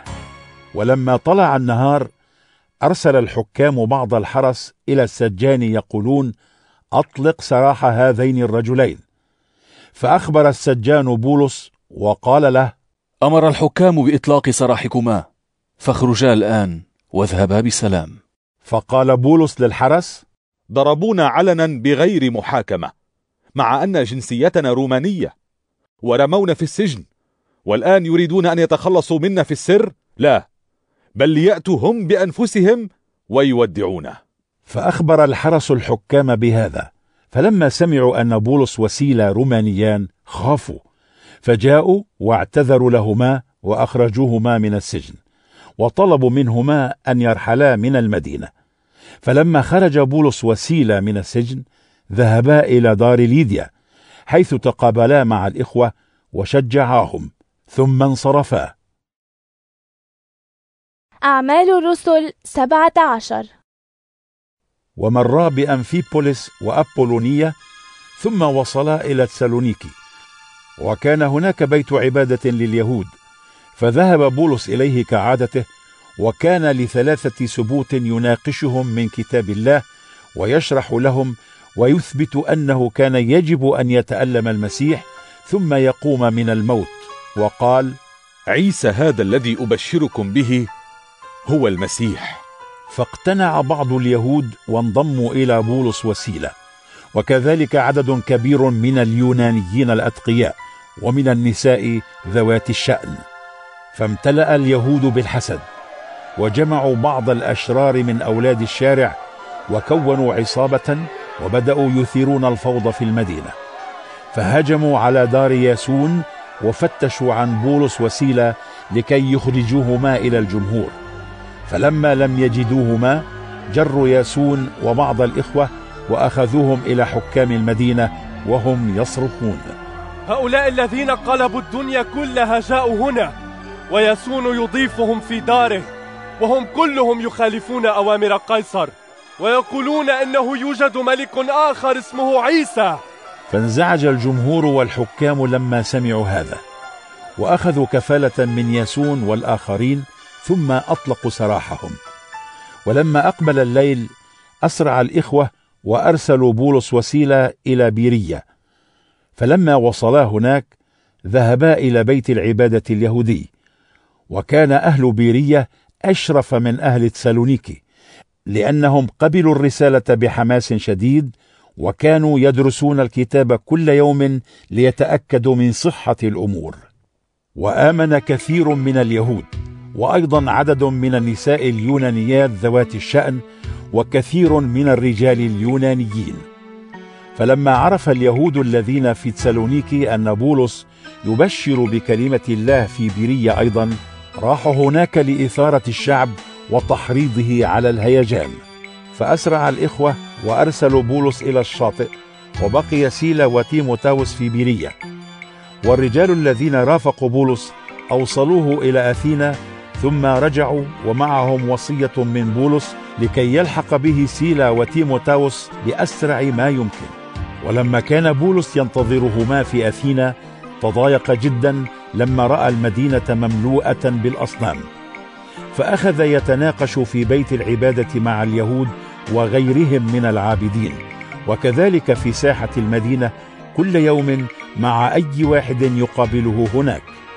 فحدث جدال بينه وبين جماعة من الفلاسفة الأبيقوريين والرواقيين فقال بعضهم ماذا يريد هذا الثرثار أن يقول؟ وقال البعض الآخر يبدو أنه ينادي بآلهة غريبة قالوا هذا لأن بولس كان يبشر بعيسى والقيامة فأخذوه وساروا به إلى مجلس الأريوباغ وقالوا له نريد أن نعرف هذه العقيدة الجديدة التي تنادي بها. أنت تلقي على مسامعنا أفكارا غريبة فنحن نريد أن نعرف معناها. وكان أهل أثينا والأجانب المقيمون هناك يصرفون وقتهم في الحديث عن الأفكار الجديدة والاستماع إليها. فوقف بولس في مجلس الأريوباغ وقال يا أهل أثينا أرى أنكم متدينون من كل جهة لأني وأنا سائر في مدينتكم لاحظت معبوداتكم حتى إني وجدت مكانا مكتوبا عليه لعبادة الإله المجهول. فهذا الذي تعبدونه وأنتم لا تعرفونه أبشركم به الآن. إنه الله خالق الكون وما فيه هو رب السماء والأرض ولا يسكن في معابد يبنيها الناس. فهو لا يحتاج إلى خدمة الناس لأنه ليس في حاجة إلى شيء بل هو نفسه يعطي كل الناس الحياة والنفس وكل شيء.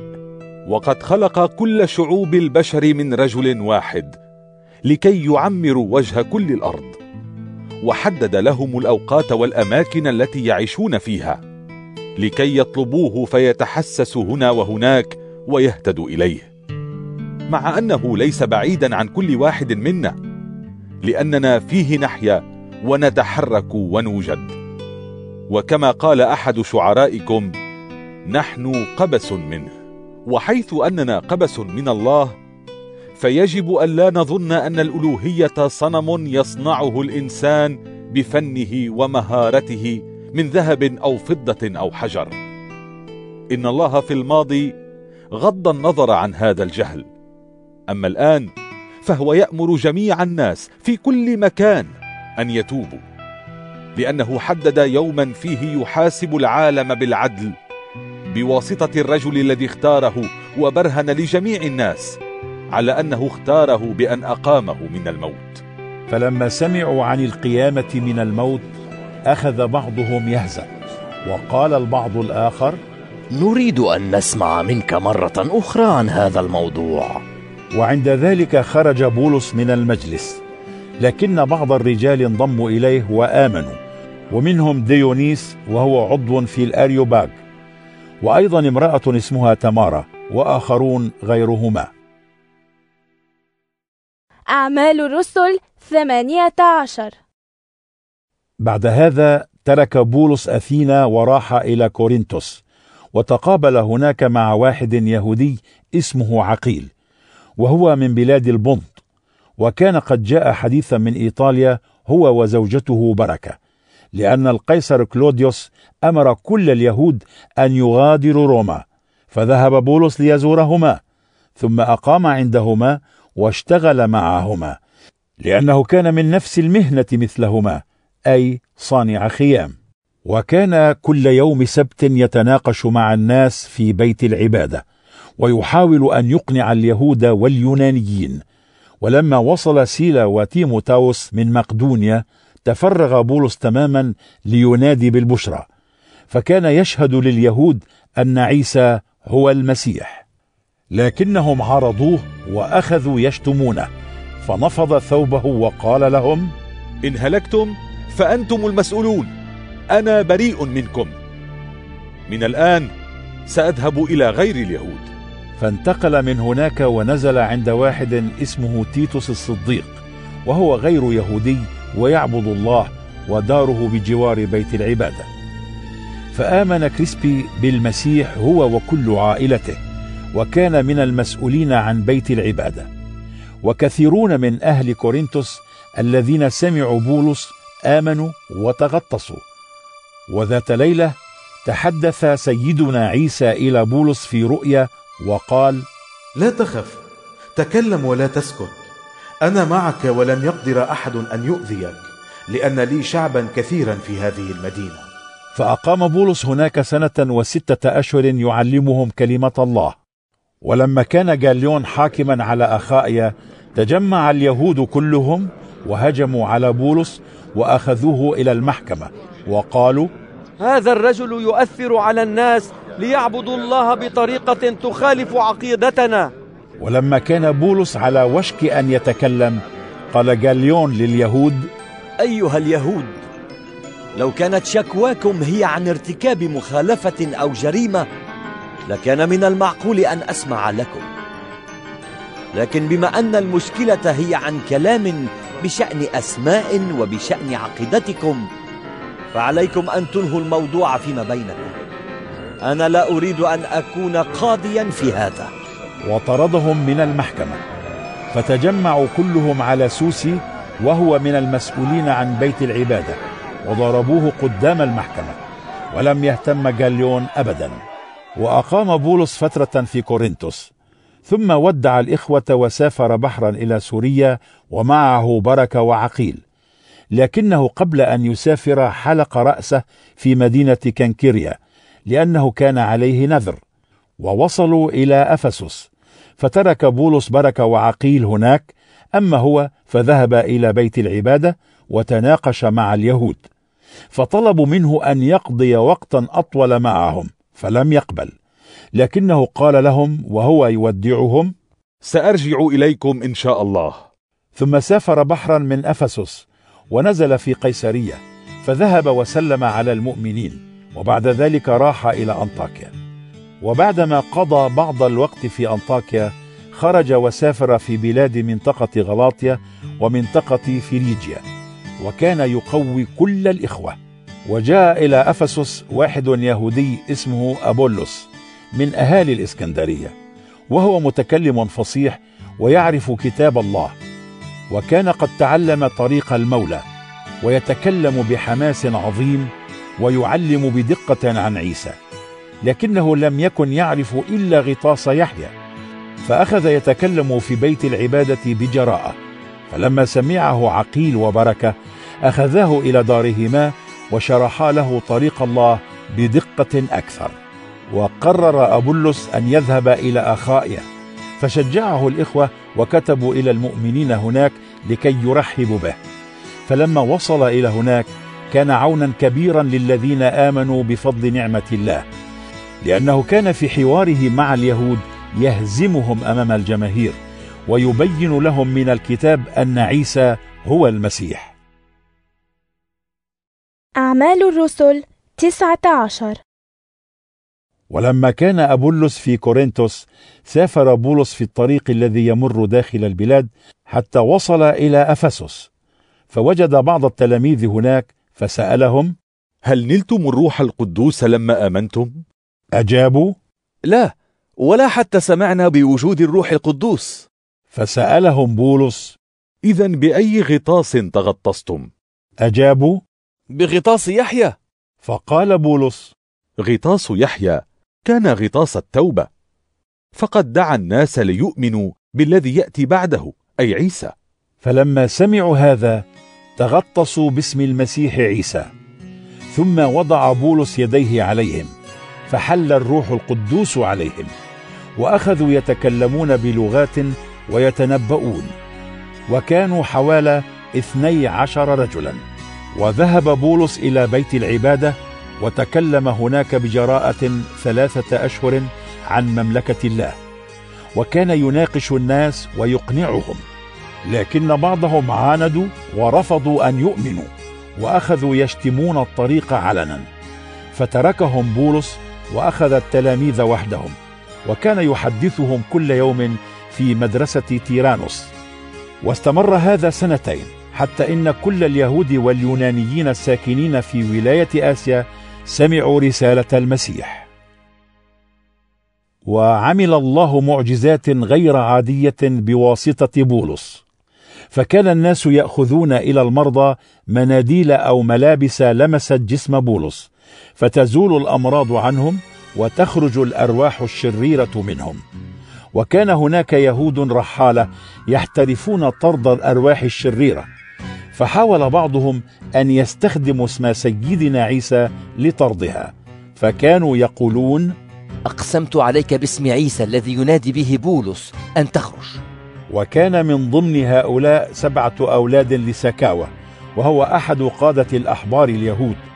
فأجابهم الروح الشرير قيس أنا أعرفه؟ وبولس أنا أعرفه لكن من أنتم؟ ثم هجم الرجل الذي فيه الروح الشرير عليهم وغلبهم كلهم وأشبعهم ضربا فهربوا من الدار عراة مجرحين. فسمع بهذا كل أهالي أفسس من يهود وغيرهم.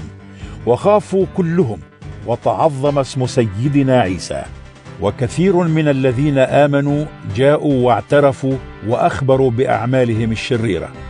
وكثير من الذين يمارسون السحر جمعوا كتبهم وأحرقوها قدام الناس وحسبوا ثمن الكتب فكانت الجملة خمسين ألف عملة نقدية من الفضة. وبهذه الطريقة كانت رسالة المسيح تنتشر بسرعة وتزيد قوة. وبعدما حدث كل هذا قرر بولس أن يذهب إلى القدس مرورا بمقدونيا وأخائيا وقال بعدما أذهب إلى هناك يجب أن أزور روما أيضا. فأرسل اثنين من مساعديه هما تيموتاوس وأرسطس إلى مقدونيا. أما هو فانتظر فترة في آسيا. وحدث في ذلك الوقت اضطراب كبير في أفسس بسبب طريق عيسى. فإن الصائغ الذي اسمه ديمتري كان يصنع نماذج من الفضة لمعبد الإله أرطميس فكان هذا يعود بالربح الوفير على العمال. فنادى عماله مع آخرين من أهل المهنة وقال لهم أيها الرجال أنتم تعلمون أن رخاءنا يعتمد على هذه المهنة. وأنتم ترون وتسمعون كيف أن هذا الشخص بولس أغوى عددا كبيرا من الناس. هنا في أفاسس وفي كل ولاية آسيا تقريبا. وهو يقول إن الآلهة التي يصنعها الناس ليست آلهة أبدا. وهنا الخطر. إن مهنتنا تفقد سمعتها الطيبة وأيضا معبد الإله العظيم أرطميس يفقد هيبته. بل والإله نفسها تفقد عظمتها وهي التي يعبدها الناس في كل آسيا وباقي العالم. فلما سمعوا هذا غضبوا جدا وأخذوا يصرخون. أرطميس! عظيمة هي أرطميس! إلهة أهل أفسس! وفي الحال ساد الاضطراب في المدينة كلها وأمسك الناس جايوس وريستوركي وهما من مقدونيا ورفقا بولس في رحلته. واندفعوا كلهم كرجل واحد إلى ملعب المدينة. وأراد بولس أن يواجه الجمهور فمنعه التلاميذ. كما أن بعض المسؤولين في الولاية وهم أصدقاء بولس أرسلوا له يرجونه ألا يعرض نفسه لخطر الذهاب إلى الملعب. وسادت الفوضى على الحشد فكان بعضهم يصرخ بشيء وبعضهم بشيء آخر. حتى إن أكثرهم لم يعرفوا لماذا اجتمعوا. ودفع اليهود إسكندر إلى الأمام وأطلعه بعض الموجودين على الأمر فأشار إسكندر بيده ليسكتوا حتى يقدم الدفاع للناس. لكن لما أدركوا أنه يهودي صرخوا كلهم معا وظلوا يرددون هذا حوالي ساعتين. أرطميس! عظيمة هي أرطميس! إلهة أهل أفسس! أخيرا تمكن حاكم المدينة من تهدئة الجمهور وقال يا أهل أفسس العالم كله يعرف أن مدينة أفسس هي حارسة معبد أرطميس العظيمة وحارسة تمثالها الذي هبط من السماء. هذا أمر معروف ولا خلاف فيه.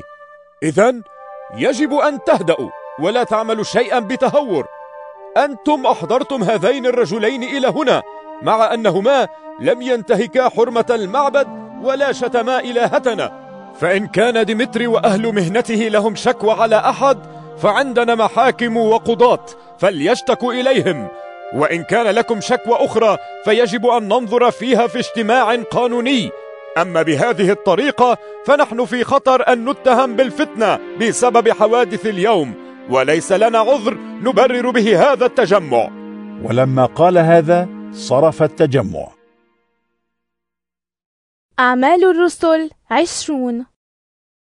ولما انتهى الهيجان أرسل بولس إلى التلاميذ وشجعهم ثم ودعهم وسافر إلى مقدونيا. وأخذ يتنقل في كل تلك المنطقة وهو يشجع الناس بكلام كثير. ثم أخيرا وصل إلى اليونان فأقام هناك ثلاثة أشهر وبينما هو يستعد للسفر عن طريق البحر إلى سوريا تآمر اليهود ليقتلوه فقرر أن يرجع عن طريق مقدونيا.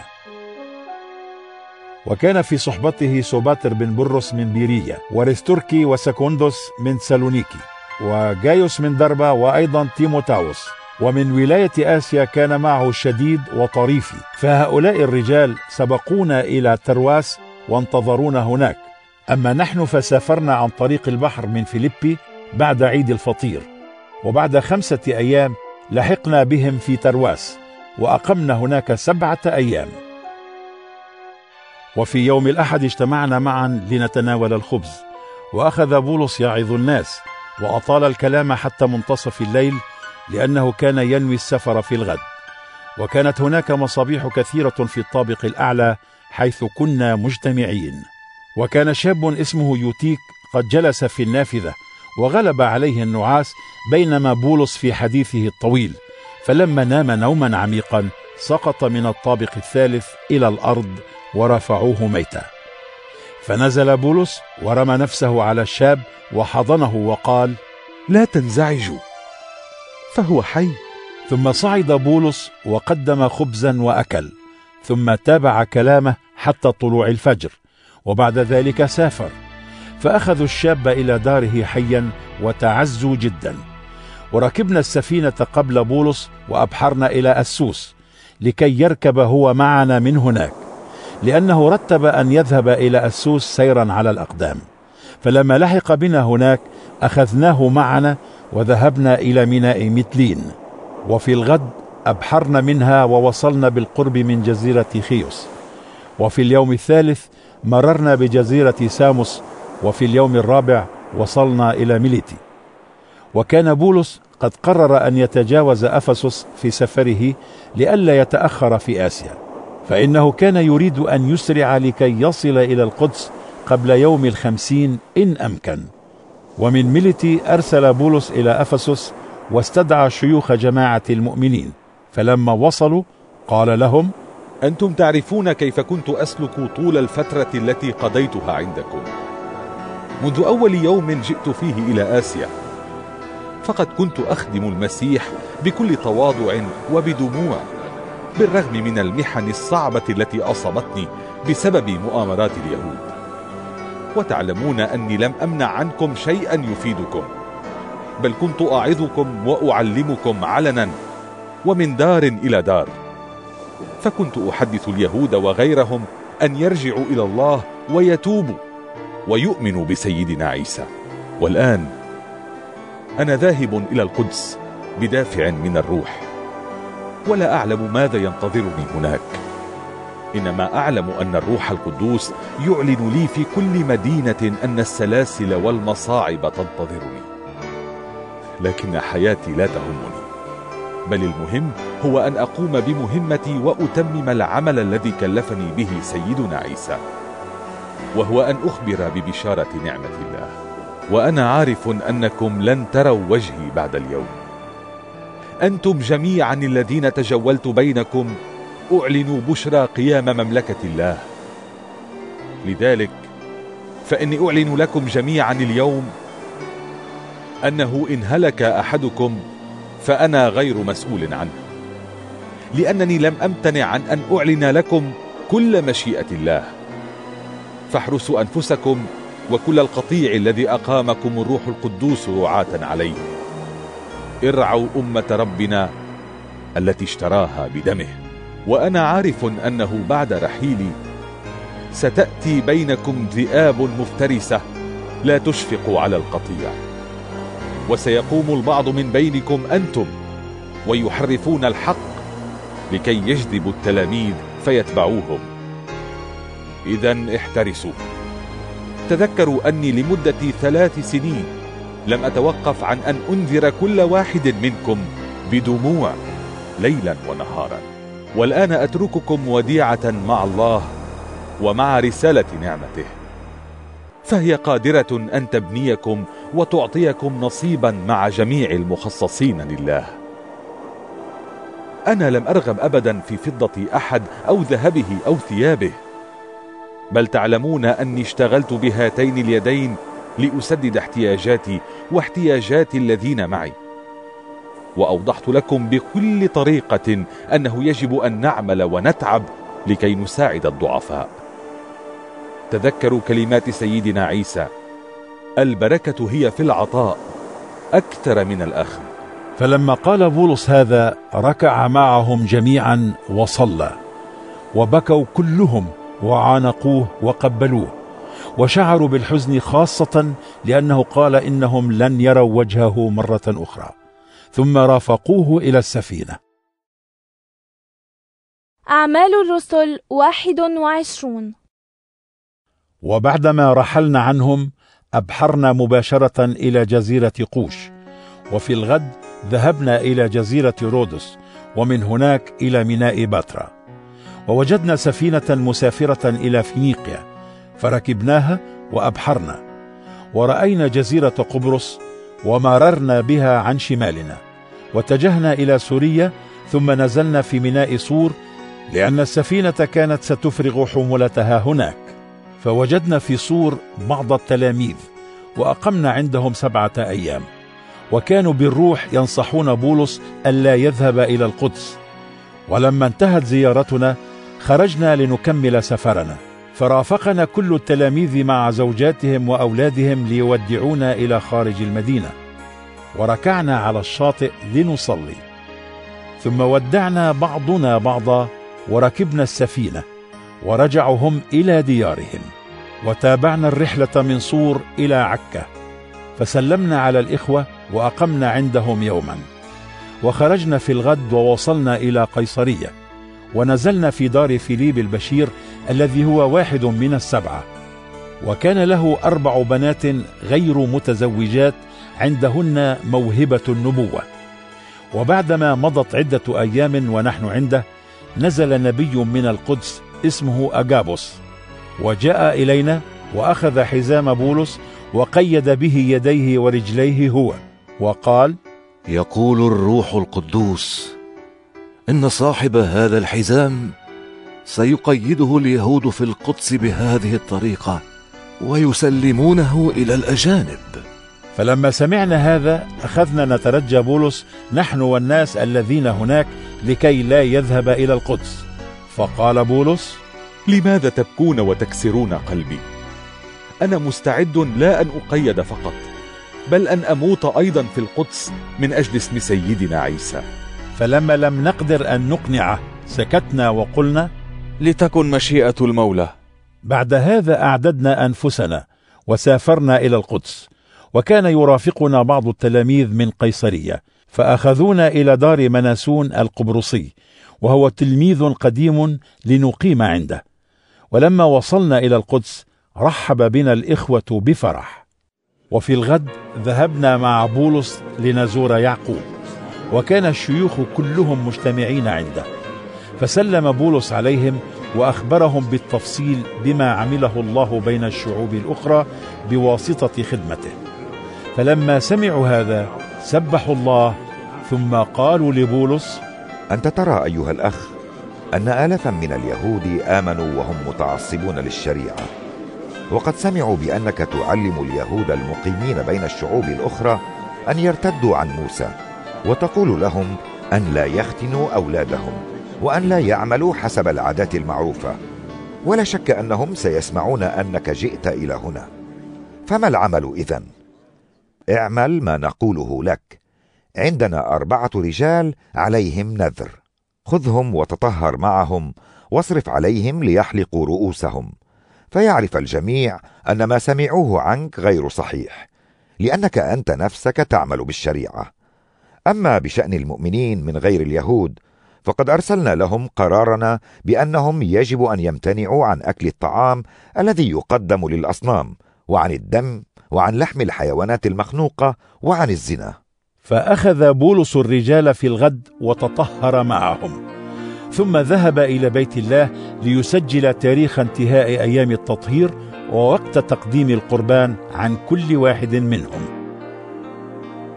فلما قاربت الأيام السبعة على الانتهاء رأى بعض اليهود الذين من ولاية آسيا بولس في بيت الله فأثاروا كل الشعب وأمسكوه وهم يصرخون النجد يا بني إسرائيل هذا هو الرجل الذي يعلم الجميع في كل مكان ضد شعبنا وعقيدتنا وهذا المكان.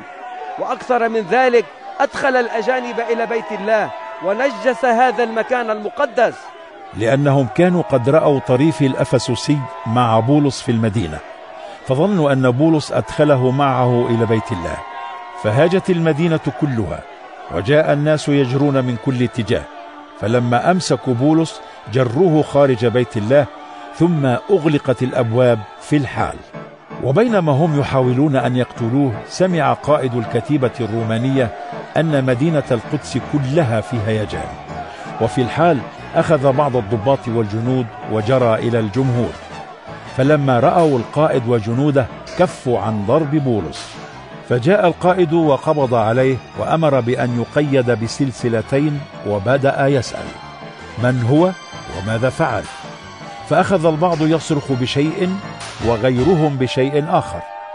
فلم يتمكن القائد من أن يعرف حقيقة الأمر بسبب هيجان الناس. فأمر أن يأخذوا بولس إلى المعسكر. فلما وصل بولس إلى السلم حمله الجنود ليخلصوه من عنف الجمهور لأن الناس كانوا يتبعونه وهم يصرخون. إلى الإعدام إلى الإعدام إلى الإعدام وبينما كان الجنود يدخلون بولس إلى المعسكر قال للقائد هل تسمح أن أقول لك شيئا؟ فأجابه القائد هل تتكلم اليونانية؟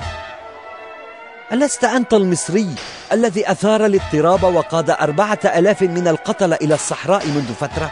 فأجاب بولس أنا يهودي من طرسوس المدينة المشهورة في كيليكيا. من فضلك اسمح لي بأن أخاطب الشعب. فسمح له القائد. فوقف بولس على السلم وأشار بيده إلى الشعب. فلما سكتوا كلهم قال لهم باللغة العبرية أعمال الرسل 22 يا إخوتي وآبائي اسمعوا الآن دفاعي عن نفسي. فلما سمعوه يتكلم بالعبرية هدأوا أكثر. فقال بولس أنا يهودي مولود في طرسوس التي في كيليكيا ولكني نشأت هنا في هذه المدينة. وكان أستاذي هو غملئيل وتعلمت شريعة آبائنا بكل تفاصيلها.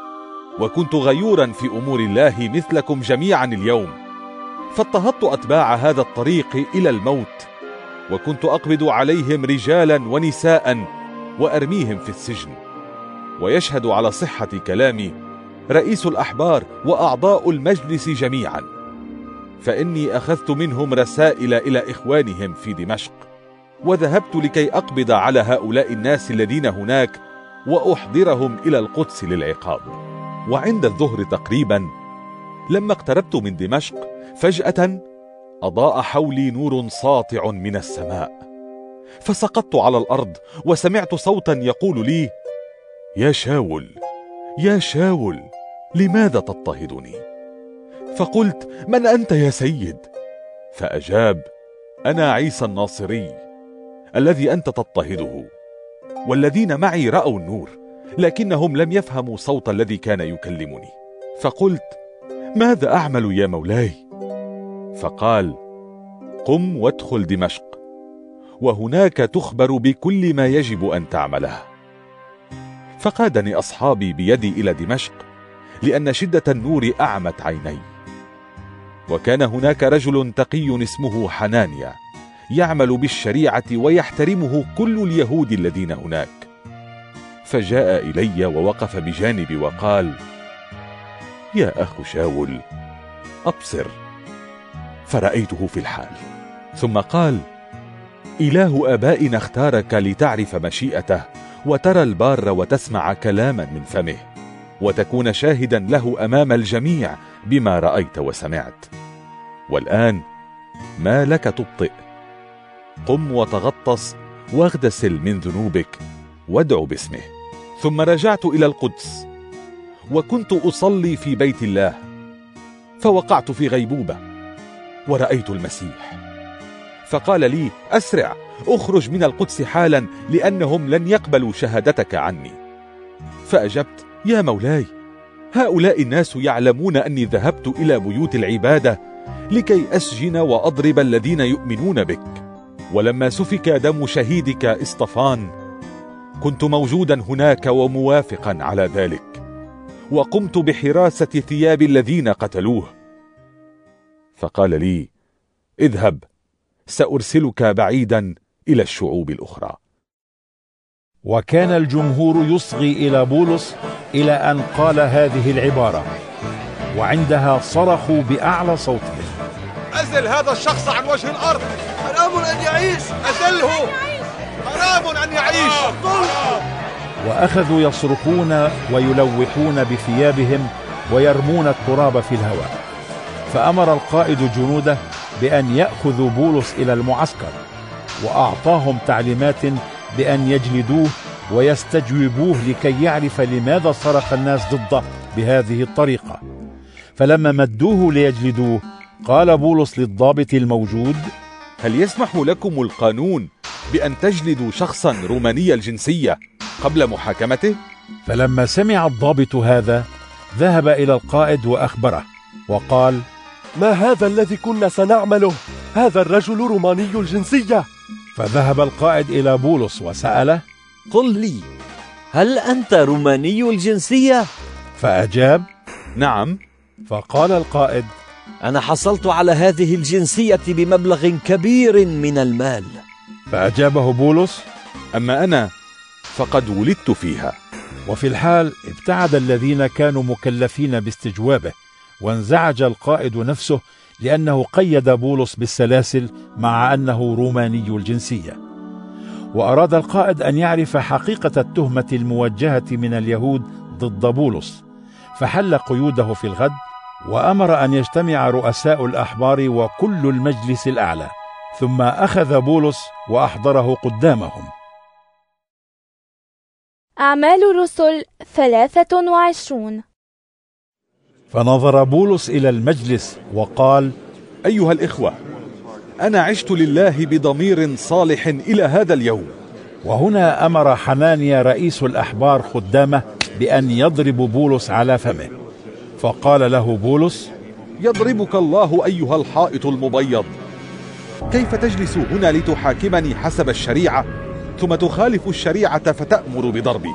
فقال الخدام هل تشتم رئيس أحبار الله؟ فأجاب بولس لم أكن أعلم أيها الإخوة أنه رئيس الأحبار لأن الكتاب يقول لا تلعن رئيس شعبك. ولما علم بولس أن بعض أعضاء المجلس من الصدوقيين والبعض الآخر من الفريسيين نادى في المجلس وقال أيها الإخوة أنا فريسي ابن فريسي وأنا أحاكم الآن لأن عندي رجاء أن الموتى سيقومون فلما قال هذا وقع الخلاف بين الفريسيين والصدوقيين وانقسم المجلس لأن الصدوقيين لا يؤمنون بالقيامة ولا بالملائكة ولا بالأرواح. أما الفريسيون فيؤمنون بكل هذا وحدث هياج شديد. ووقف بعض فقهاء المذهب الفريسي وأخذوا يحتجون بشدة وقالوا نحن لا نجد أي ذنب في هذا الرجل ربما كلمه روح أو ملاك. وزاد الخلاف حتى خاف القائد أن يمزق بولس تمزيقا فأمر الجنود أن ينزلوا ويخطفوه من بينهم ويأخذوه إلى المعسكر. وفي الليل جاء المسيح ووقف بجوار بولس وقال له اطمئن. يجب أن تشهد لي في روما كما شهدت لي في القدس. وفي الصبح تآمر اليهود معا وحرموا على أنفسهم الأكل والشرب حتى يقتلوا بولس. وكان عدد الذين تآمروا أكثر من أربعين رجلا. فذهبوا إلى رؤساء الأحبار والشيوخ وقالوا نحن أقسمنا يمينا أن لا نأكل شيئا حتى نقتل بولس. فالآن اطلبوا من القائد أنتم وباقي المجلس. أن يحضر بولس قدامكم بحجة أنكم تريدون عمل تحقيق في موضوعه. ونكون نحن مستعدين لقتله قبل أن يصل إلى المجلس. وسمع ابن أخت بولس بخبر الكمين فذهب إلى المعسكر وأخبر بولس. فاستدعى بولس أحد الضباط وقال له خذ هذا الشاب إلى القائد لأن عنده شيئا يريد أن يخبره به. فأخذه الضابط إلى القائد وقال له استدعاني السجين بولس وطلب مني أن أحضر لك هذا الشاب لأن عنده شيئا يريد أن يخبرك به. فأخذ القائد الشاب من يده وانفرد به وسأله ماذا عندك؟ أخبرني. فقال اتفق اليهود أن يطلبوا منك أن تحضر بولس إلى المجلس غدا بحجة أنهم يريدون عمل تحقيق في موضوعه. فلا تسمع لهم لأن أكثر من أربعين واحدا منهم عملوا له كمينا وحرموا على أنفسهم الأكل والشرب حتى يقتلوه. وهم مستعدون الآن ينتظرون أن تجيب لهم طلبهم. فصرف القائد الشاب وحذره وقال له لا تقل لأحد إنك أخبرتني بهذا. ثم دعا القائد اثنين من ضباطه وأمرهما. أعدا مئتي جندي وسبعين فارسا ومئتي متسلح بالحراب ليذهبوا إلى قيصرية الليلة في الساعة التاسعة مساء. وأيضا فرسا يركبه بولس لكي يصل سالما إلى الحاكم فيليكس. وكتب رسالة إلى الحاكم يقول فيها من كلوديوس ليسياس إلى صاحب الفخامة فيليكس الحاكم. بعد التحية هذا الرجل قبض عليه اليهود وكانوا على وشك أن يقتلوه لكني وصلت مع جنودي وأنقذناه منهم لأني علمت أنه مواطن روماني. وكنت أريد أن أعرف سبب شكواهم ضده فأخذته إلى مجلسهم فوجدت أن التهمة متعلقة بمسائل تخص عقيدتهم. لكن ليست هناك شكوى ضده تستحق الموت أو السجن. ثم علمت أن هناك مؤامرة ضد الرجل فأرسلته لك بسرعة. وقد أمرت الذين يتهمونه أن يقدموا لك قضيتهم ضده. فنفذ الجنود الأوامر التي أعطيت لهم وأخذوا بولس معهم في الليل ووصلوا به حتى أنتباترس وفي الغد تركوا الفرسان يذهبون معه ورجعوا هم إلى المعسكر. فلما وصل الفرسان إلى قيصرية أعطوا الرسالة إلى الحاكم وسلموا له بولس. فقرأ الحاكم الرسالة وسأل من أي ولاية هو فعرف أنه من كيليكيا. فقال سأسمع قضيتك عندما يجيء الذين يشتكون ضدك. ثم أمر بحراسة بولس في قصر هيرودس. أعمال الرسل أربعة وعشرون. وبعد خمسة أيام نزل حنانيا رئيس الأحبار إلى قيصرية ومعه بعض الشيوخ ومحام اسمه ترتلس وشكوا بولس إلى الحاكم. فلما دعي بولس قدم ترتلس الشكوى أمام فيليكس فقال نحن بفضلك نتمتع بسلام وافر وإن الإصلاح الذي تم لخير هذه البلاد يعود إلى حسن تدبيرك يا صاحب الفخامة فيليكس. فنحن نقبل هذا كله بالشكر الجزيل دائما وفي كل مكان. ولكي لا أطيل الكلام عليك أرجو أن تسمعنا بلطفك باختصار. نحن وجدنا هذا الرجل يسبب المشاكل ويثير الاضطراب بين اليهود في جميع أنحاء العالم وهو زعيم طائفة النصارى وحاول أيضا أن ينجس بيت الله.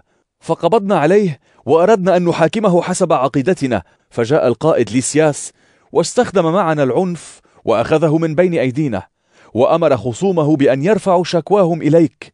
فعندما تستجوبه أنت بنفسك يمكنك أن تعرف أن شكوانا ضده صحيحة. ووافق باقي اليهود على أن هذا الكلام صحيح. فأشار الحاكم إلى بولس ليتكلم فقال أنا عارف أنك تحكم هذه البلاد منذ سنين عديدة. لذلك أدافع عن نفسي بارتياح. يمكنك بسهولة أن تتبين أني ذهبت إلى القدس للعبادة منذ ما لا يزيد عن 12 يوما. ولم يجدني خصومي أجادل أحدا في بيت الله أو أثير الشعب في بيوت العبادة ولا في أي مكان آخر في المدينة. ولا يمكنهم أن يثبتوا لك الشكوى التي يقدمونها ضدي الآن. إنما أشهد أني أعبد إله آبائنا حسب الطريق الذي يصفونه بأنه بدعة. وأؤمن بكل ما في التوراة وكتب الأنبياء. وعندي نفس الرجاء في الله مثل هؤلاء وهو قيامة الموتى من صالحين وأشرار. لهذا أبذل جهدي دائما ليكون ضميري نقيا أمام الله والناس.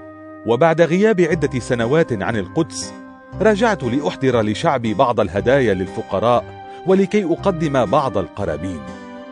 فلما وجدوني أعمل هذا في بيت الله كنت قد تطهرت ولم يكن معي جمهور ولا سببت أي فوضى. ولكن كان هناك بعض اليهود من ولاية آسيا.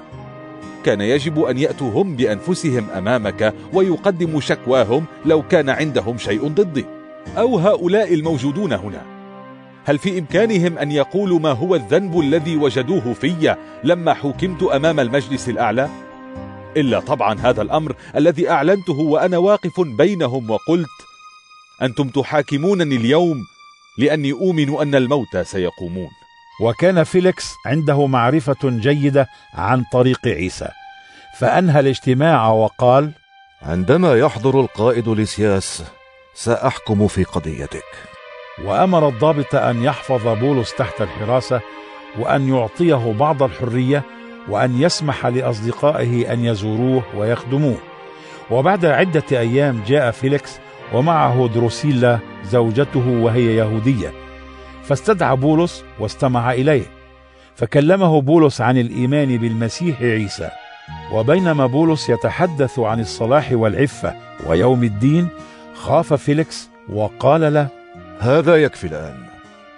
اذهب وعندما أجد الوقت المناسب أستدعيك. وكان يرجو أن يعطيه بولس رشوة. لذلك كان يرسل ويستدعيه كثيرا ويتحدث معه. ومرت سنتان ثم جاء مكان فيليكس حاكم آخر اسمه بوركيوس فوستوس وأراد فيليكس أن يرضي اليهود فترك بولس في السجن. أعمال الرسل خمسة وعشرون. وبعد وصول فوستوس إلى الولاية بثلاثة أيام صعد من قيصرية إلى القدس. فجاء إليه رؤساء الأحبار وقادة اليهود وشكوا بولس له وطلبوا منه بإلحاح أن يرضيهم فيرسل بولس إلى القدس لأنهم وضعوا له كمينا ليقتلوه في الطريق. فأجابهم فوستوس بولس محجوز في قيصرية وأنا راجع إلى هناك حالا. ليأتي معي بعض قادتكم ويقدم الشكوى ضد الرجل هناك إن كان مذنبا. وقضى فوستوس عندهم ثمانية أو عشرة أيام ثم نزل إلى قيصرية وفي الغد جلس على منصة القضاء وأمر بإحضار بولس قدامه. فلما وصل بولس أحاط به اليهود الذين نزلوا من القدس وقدموا شكاوى خطيرة كثيرة ضده لم يقدروا أن يثبتوها. فدافع بولس عن نفسه وقال أنا لم أرتكب أي ذنب ضد عقيدة اليهود ولا ضد بيت الله ولا ضد قيصر. ولكن فستس كان يريد أن يرضي اليهود فقال لبولس هل أنت مستعد أن تذهب إلى القدس؟ فتكون محاكمتك في هذه الشكاوى قدامي هناك؟ أجاب بولس أنا الآن واقف أمام محكمة قيصر حيث يجب أن أحاكم. أنا لم أذنب ضد اليهود في شيء وأنت تعلم هذا جيدا. ولو كنت قد ارتكبت شيئا يستحق الموت ما كنت أهرب من الموت.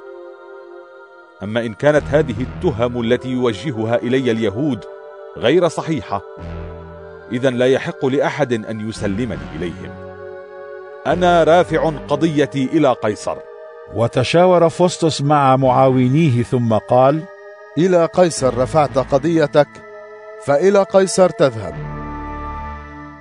وبعد أيام قليلة جاء الملك أجريباس ومعه بيرنيس إلى قيصرية ليسلما على فوستوس وأقاما هناك أياما كثيرة فعرض فوستوس على الملك قضية بولس وقال له يوجد رجل هنا تركه فيليكس مسجونا.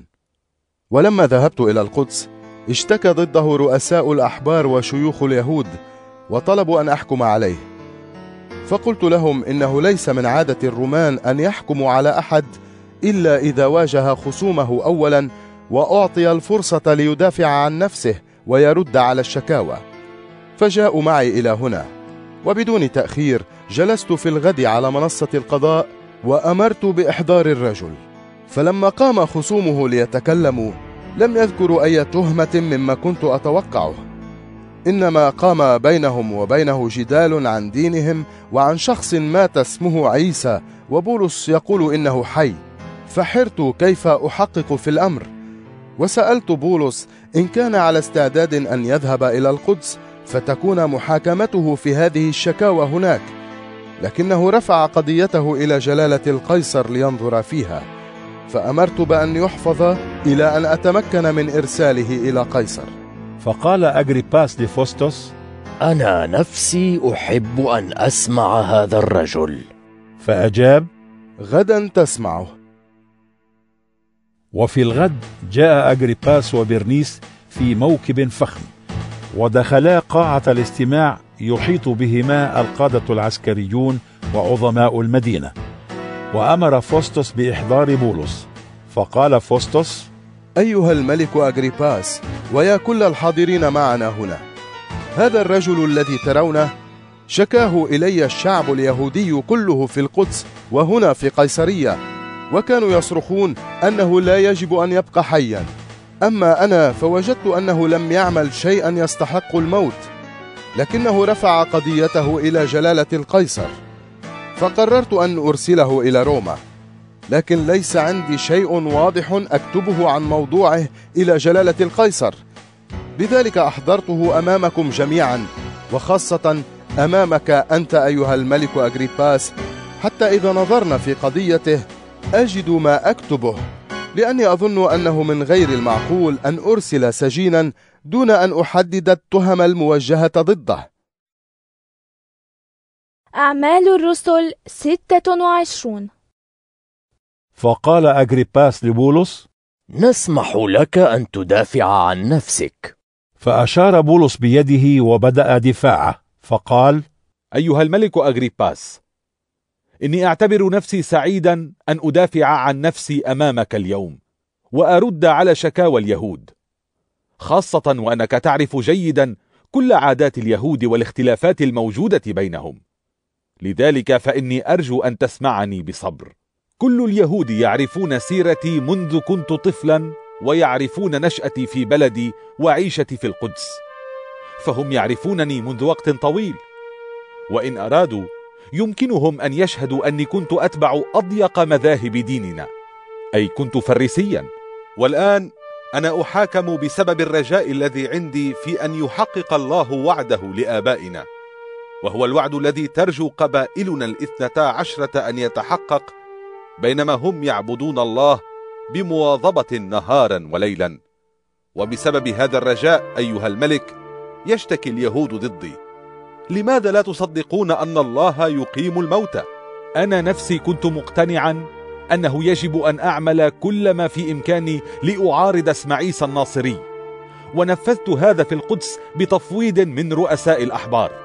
ووضعت كثيرين من أتباع عيسى في السجن. وعندما كان يحكم المجلس على أحدهم بالإعدام كنت أعطي صوتي بالموافقة على الحكم. وكثيرا ما ذهبت إلى بيوت العبادة لأعذبهم وأحاول أن أجبرهم على الكفر.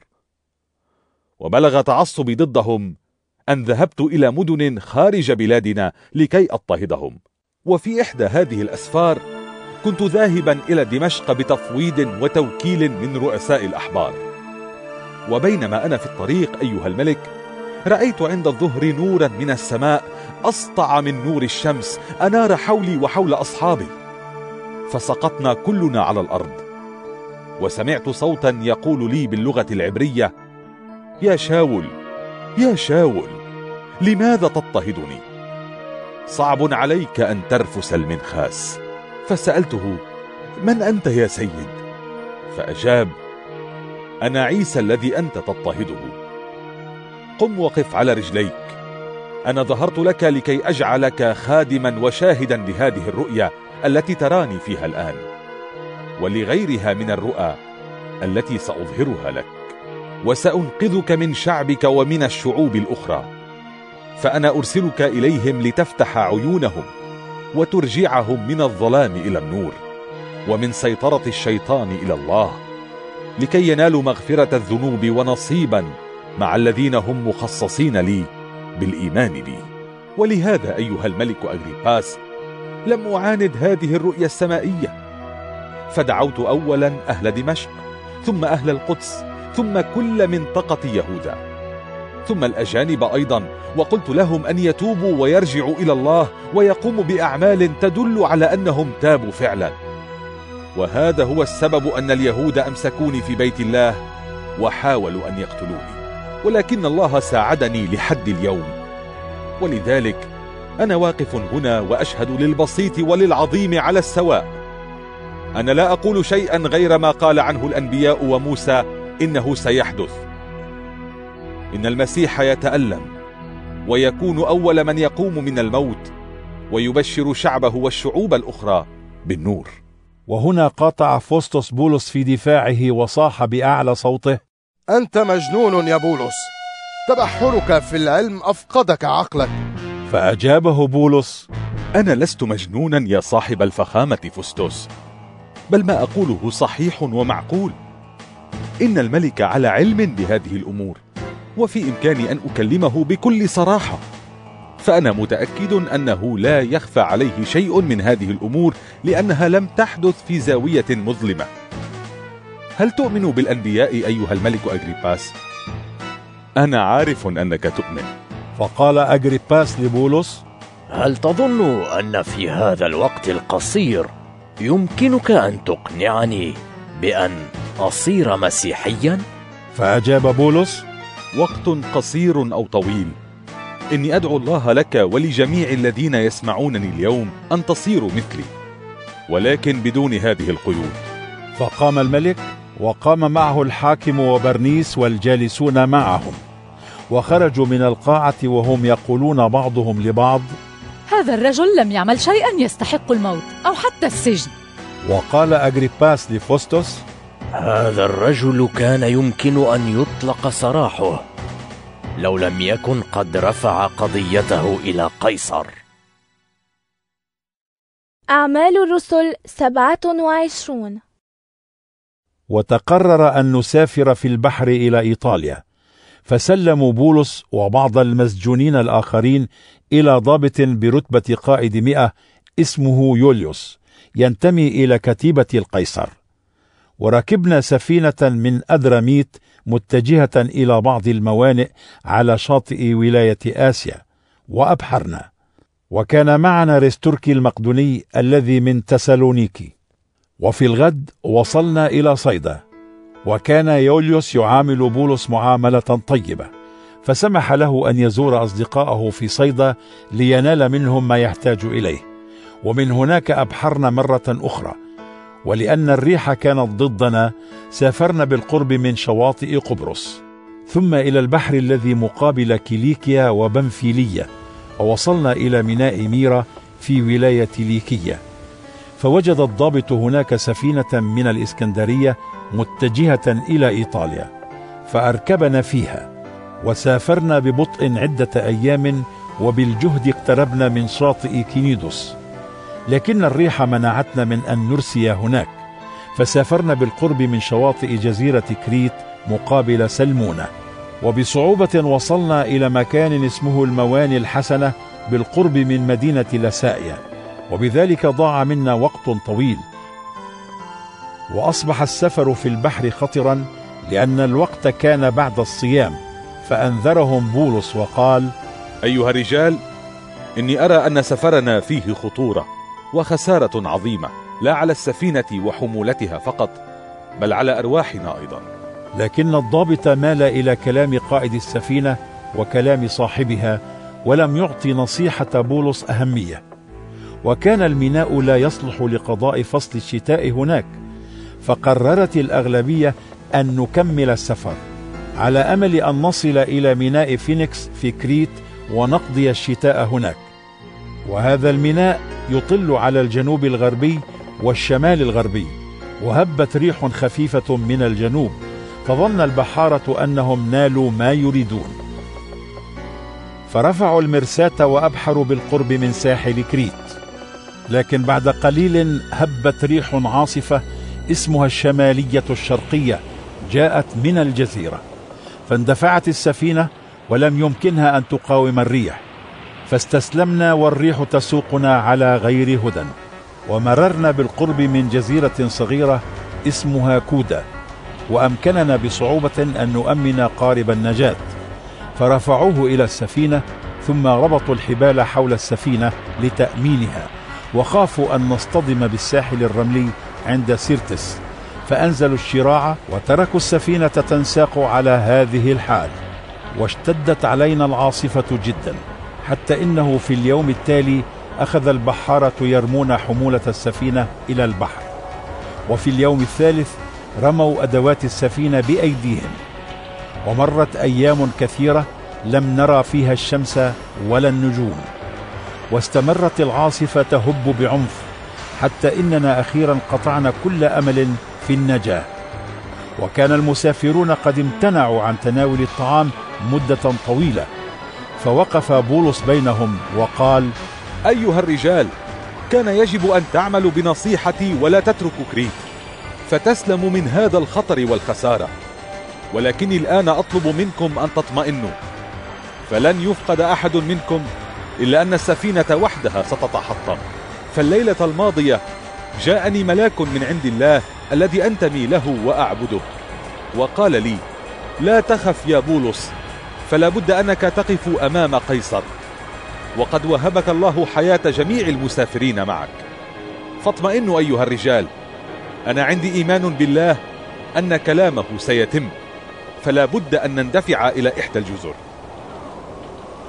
وفي الليلة الرابعة عشرة وكانت الرياح ما زالت تسوقنا في بحر أدريا ظن البحارة عند منتصف الليل أنهم يقتربون من البر. فقاسوا عمق الماء ووجدوه أربعين مترا. وبعد فترة قصيرة قاسوا مرة أخرى فوجدوه ثلاثين مترا.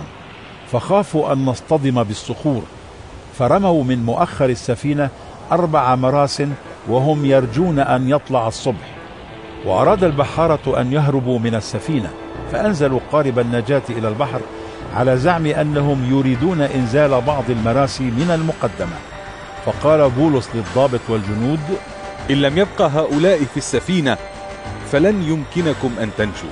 فقطع الجنود حبال القارب وتركوه يسقط في الماء. وقبل الفجر طلب بولس منهم كلهم أن يأكلوا وقال لهم هذا هو اليوم الرابع عشر وأنتم في ترقب مستمر وبلا طعام. فلم تأكلوا شيئا. أرجوكم أن تأكلوا بعض الطعام. أنتم تحتاجون إلى هذا لنجاتكم. ولن يفقد واحد منكم شعرة من رأسه. ولما قال هذا أخذ خبزا وشكر الله قدامهم جميعا. ثم قسمه وبدأ يأكل. فاطمأنوا كلهم وتناولوا بعض الطعام. وكان عددنا في السفينة 276 شخصا. وبعدما شبعوا رموا القمح في البحر لكي يخففوا عن السفينة. ولما طلع النهار لم يقدر البحارة أن يميزوا البر لكنهم رأوا خليجا له شاطئ رملي فقرروا أن يدفعوا السفينة إليه إن أمكن فقطعوا المراسي وتركوها تسقط في البحر وفي نفس الوقت حلوا الحبال التي تربط الدفة ورفعوا الشراع الأمامي للريح واتجهوا نحو الشاطئ. لكن السفينة اندفعت إلى تل رملي واصطدمت به. فانغرز المقدم وبقي لا يتحرك. وأخذ المؤخر يتحطم من عنف الأمواج. فأراد الجنود أن يقتلوا المساجين لئلا يسبحوا إلى الشاطئ ويهربوا. لكن الضابط أراد أن ينقذ بولس فمنعهم من تنفيذ قصدهم. فأمر القادرين على السباحة أن يقفزوا أولا ويخرجوا إلى الشاطئ ثم يتبعهم الباقون على ألواح من السفينة أو على حطامها. وبهذا وصل الجميع إلى البر سالمين. أعمال الرسل ثمانية وعشرون. ولما وصلنا عرفنا أن اسم الجزيرة هو مالطا وعاملنا أهلها بلطف غير عادي فرحبوا بنا وأوقدوا لنا نارا لأن الطقس كان ممطرا وباردا. وجمع بولس بعض الحطب ورماه في النار فخرجت حية دفعتها الحرارة وتعلقت بيده. فلما رأى أهل الجزيرة الحية معلقة بيده قال بعضهم لبعض لابد أن هذا الرجل قاتل فمع أنه نجا من البحر لا يسمح له العدل بأن يعيش. لكن بولس نفض الحية في النار ولم يمسه أذى. وكان الناس يتوقعون أن يتورم أو يسقط ميتا فجأة لكنهم بعدما انتظروا طويلا ورأوا أنه لم يحدث له شيء غيروا رأيهم وقالوا إنه إله. وكانت بالقرب من المكان حقول يملكها بوبليوس حاكم الجزيرة. فاستقبلنا في داره وأكرم ضيافتنا ثلاثة أيام. وكان أبوه مريضا في الفراش يعاني من الحمى والإسهال الدموي. فزاره بولس ودعا الله من أجله ووضع يديه عليه وشفاه. فلما حدث هذا جاء إليه كل المرضى في الجزيرة ونالوا الشفاء فأكرمونا كثيرا وعند رحيلنا أعطونا ما نحتاج إليه. وبعد ثلاثة أشهر أبحرنا في سفينة من الإسكندرية عليها رسم الإلهين التوأمين وكانت قد قضت فصل الشتاء في مالطا. ووصلنا إلى مدينة سيراكيوس وقضينا فيها ثلاثة أيام. ثم أبحرنا من هناك حتى وصلنا إلى مدينة ريجيون وفي اليوم التالي هبت ريح جنوبية ثم وصلنا في اليوم الثالث إلى بوطيولي ووجدنا هناك بعض الإخوة فطلبوا منا أن نقضي معهم اسبوعا وبهذا ذهبنا إلى روما وسمع الإخوة هناك بوصولنا فسافروا إلى ساحة أبيوس وإلى الحوانيت الثلاثة لاستقبالنا فلما رآهم بولس شكر الله وتشجع. ولما وصلنا إلى روما سمح الضابط لبولس أن يقيم في منزل خاص مع الجندي الذي يحرسه. وبعد ثلاثة أيام استدعى بولس قادة اليهود معا. فلما اجتمعوا قال لهم يا إخوتي أنا لم أفعل شيئا ضد شعبنا أو ضد عادات آبائنا. ومع ذلك قبضوا علي في القدس وسلموني إلى الرومانيين. فحققوا في موضوعي وأرادوا أن يطلقوا سراحي لأني غير مذنب بأي جريمة تستحق الموت. لكن اليهود عارضوا فاضطررت أن أرفع قضيتي إلى قيصر. لكن هذا لا يعني أني أشكو أمتي. فلهذا السبب طلبت أن أراكم وأكلمكم. أنا مقيد بهذه السلسلة بسبب رجاء بني إسرائيل. فأجابوه نحن لم تصلنا أية رسائل من منطقة يهوذا بشأنك. والإخوة الذين جاءوا من هناك لم يخبرونا بشيء رديء عنك. لكننا نريد أن نسمع آراءك لأن الناس في كل مكان يقولون أشياء ضد هذا المذهب. واتفقوا أن يقابلوا بولس في يوم محدد وجاءوا إلى منزله ومعهم آخرون كثيرون فحدثهم من الصباح إلى المساء وشرح لهم حقائق مملكة الله وحاول أن يقنعهم برسالة عيسى مستخدما توراة موسى وصحف الأنبياء. فاقتنع بعضهم بكلامه وكان الذين أكلوا نحو خمسة آلاف رجل ما عدا النساء والأولاد. صدق الروح القدوس لما قال لآبائكم بلسان النبي إشعيا اذهب إلى هذا الشعب وقل مهما سمعتم لا تفهمون ومهما نظرتم لا ترون. لأن قلب هذا الشعب تقسى وآذانهم ثقلت عن السمع. واغمضوا عيونهم لئلا يروا بعيونهم ويسمعوا بآذانهم ويفهموا بقلوبهم فيرجعوا إلي فأشفيهم. ثم قال لهم لذلك أريد أن تعرفوا أن الله أرسل نجاته إلى غير اليهود. وهم سيسمعون. وبعدما قال هذا خرج اليهود من عنده وهم في مناقشات حادة. وأقام بولس سنتين كاملتين في منزله الذي استأجره. وكان يرحب بكل من يأتي إليه ليزوره. وكان يعلن بشرى قيام مملكة الله بجراءة وبلا معطل. ويعلم الناس عن سيدنا عيسى المسيح.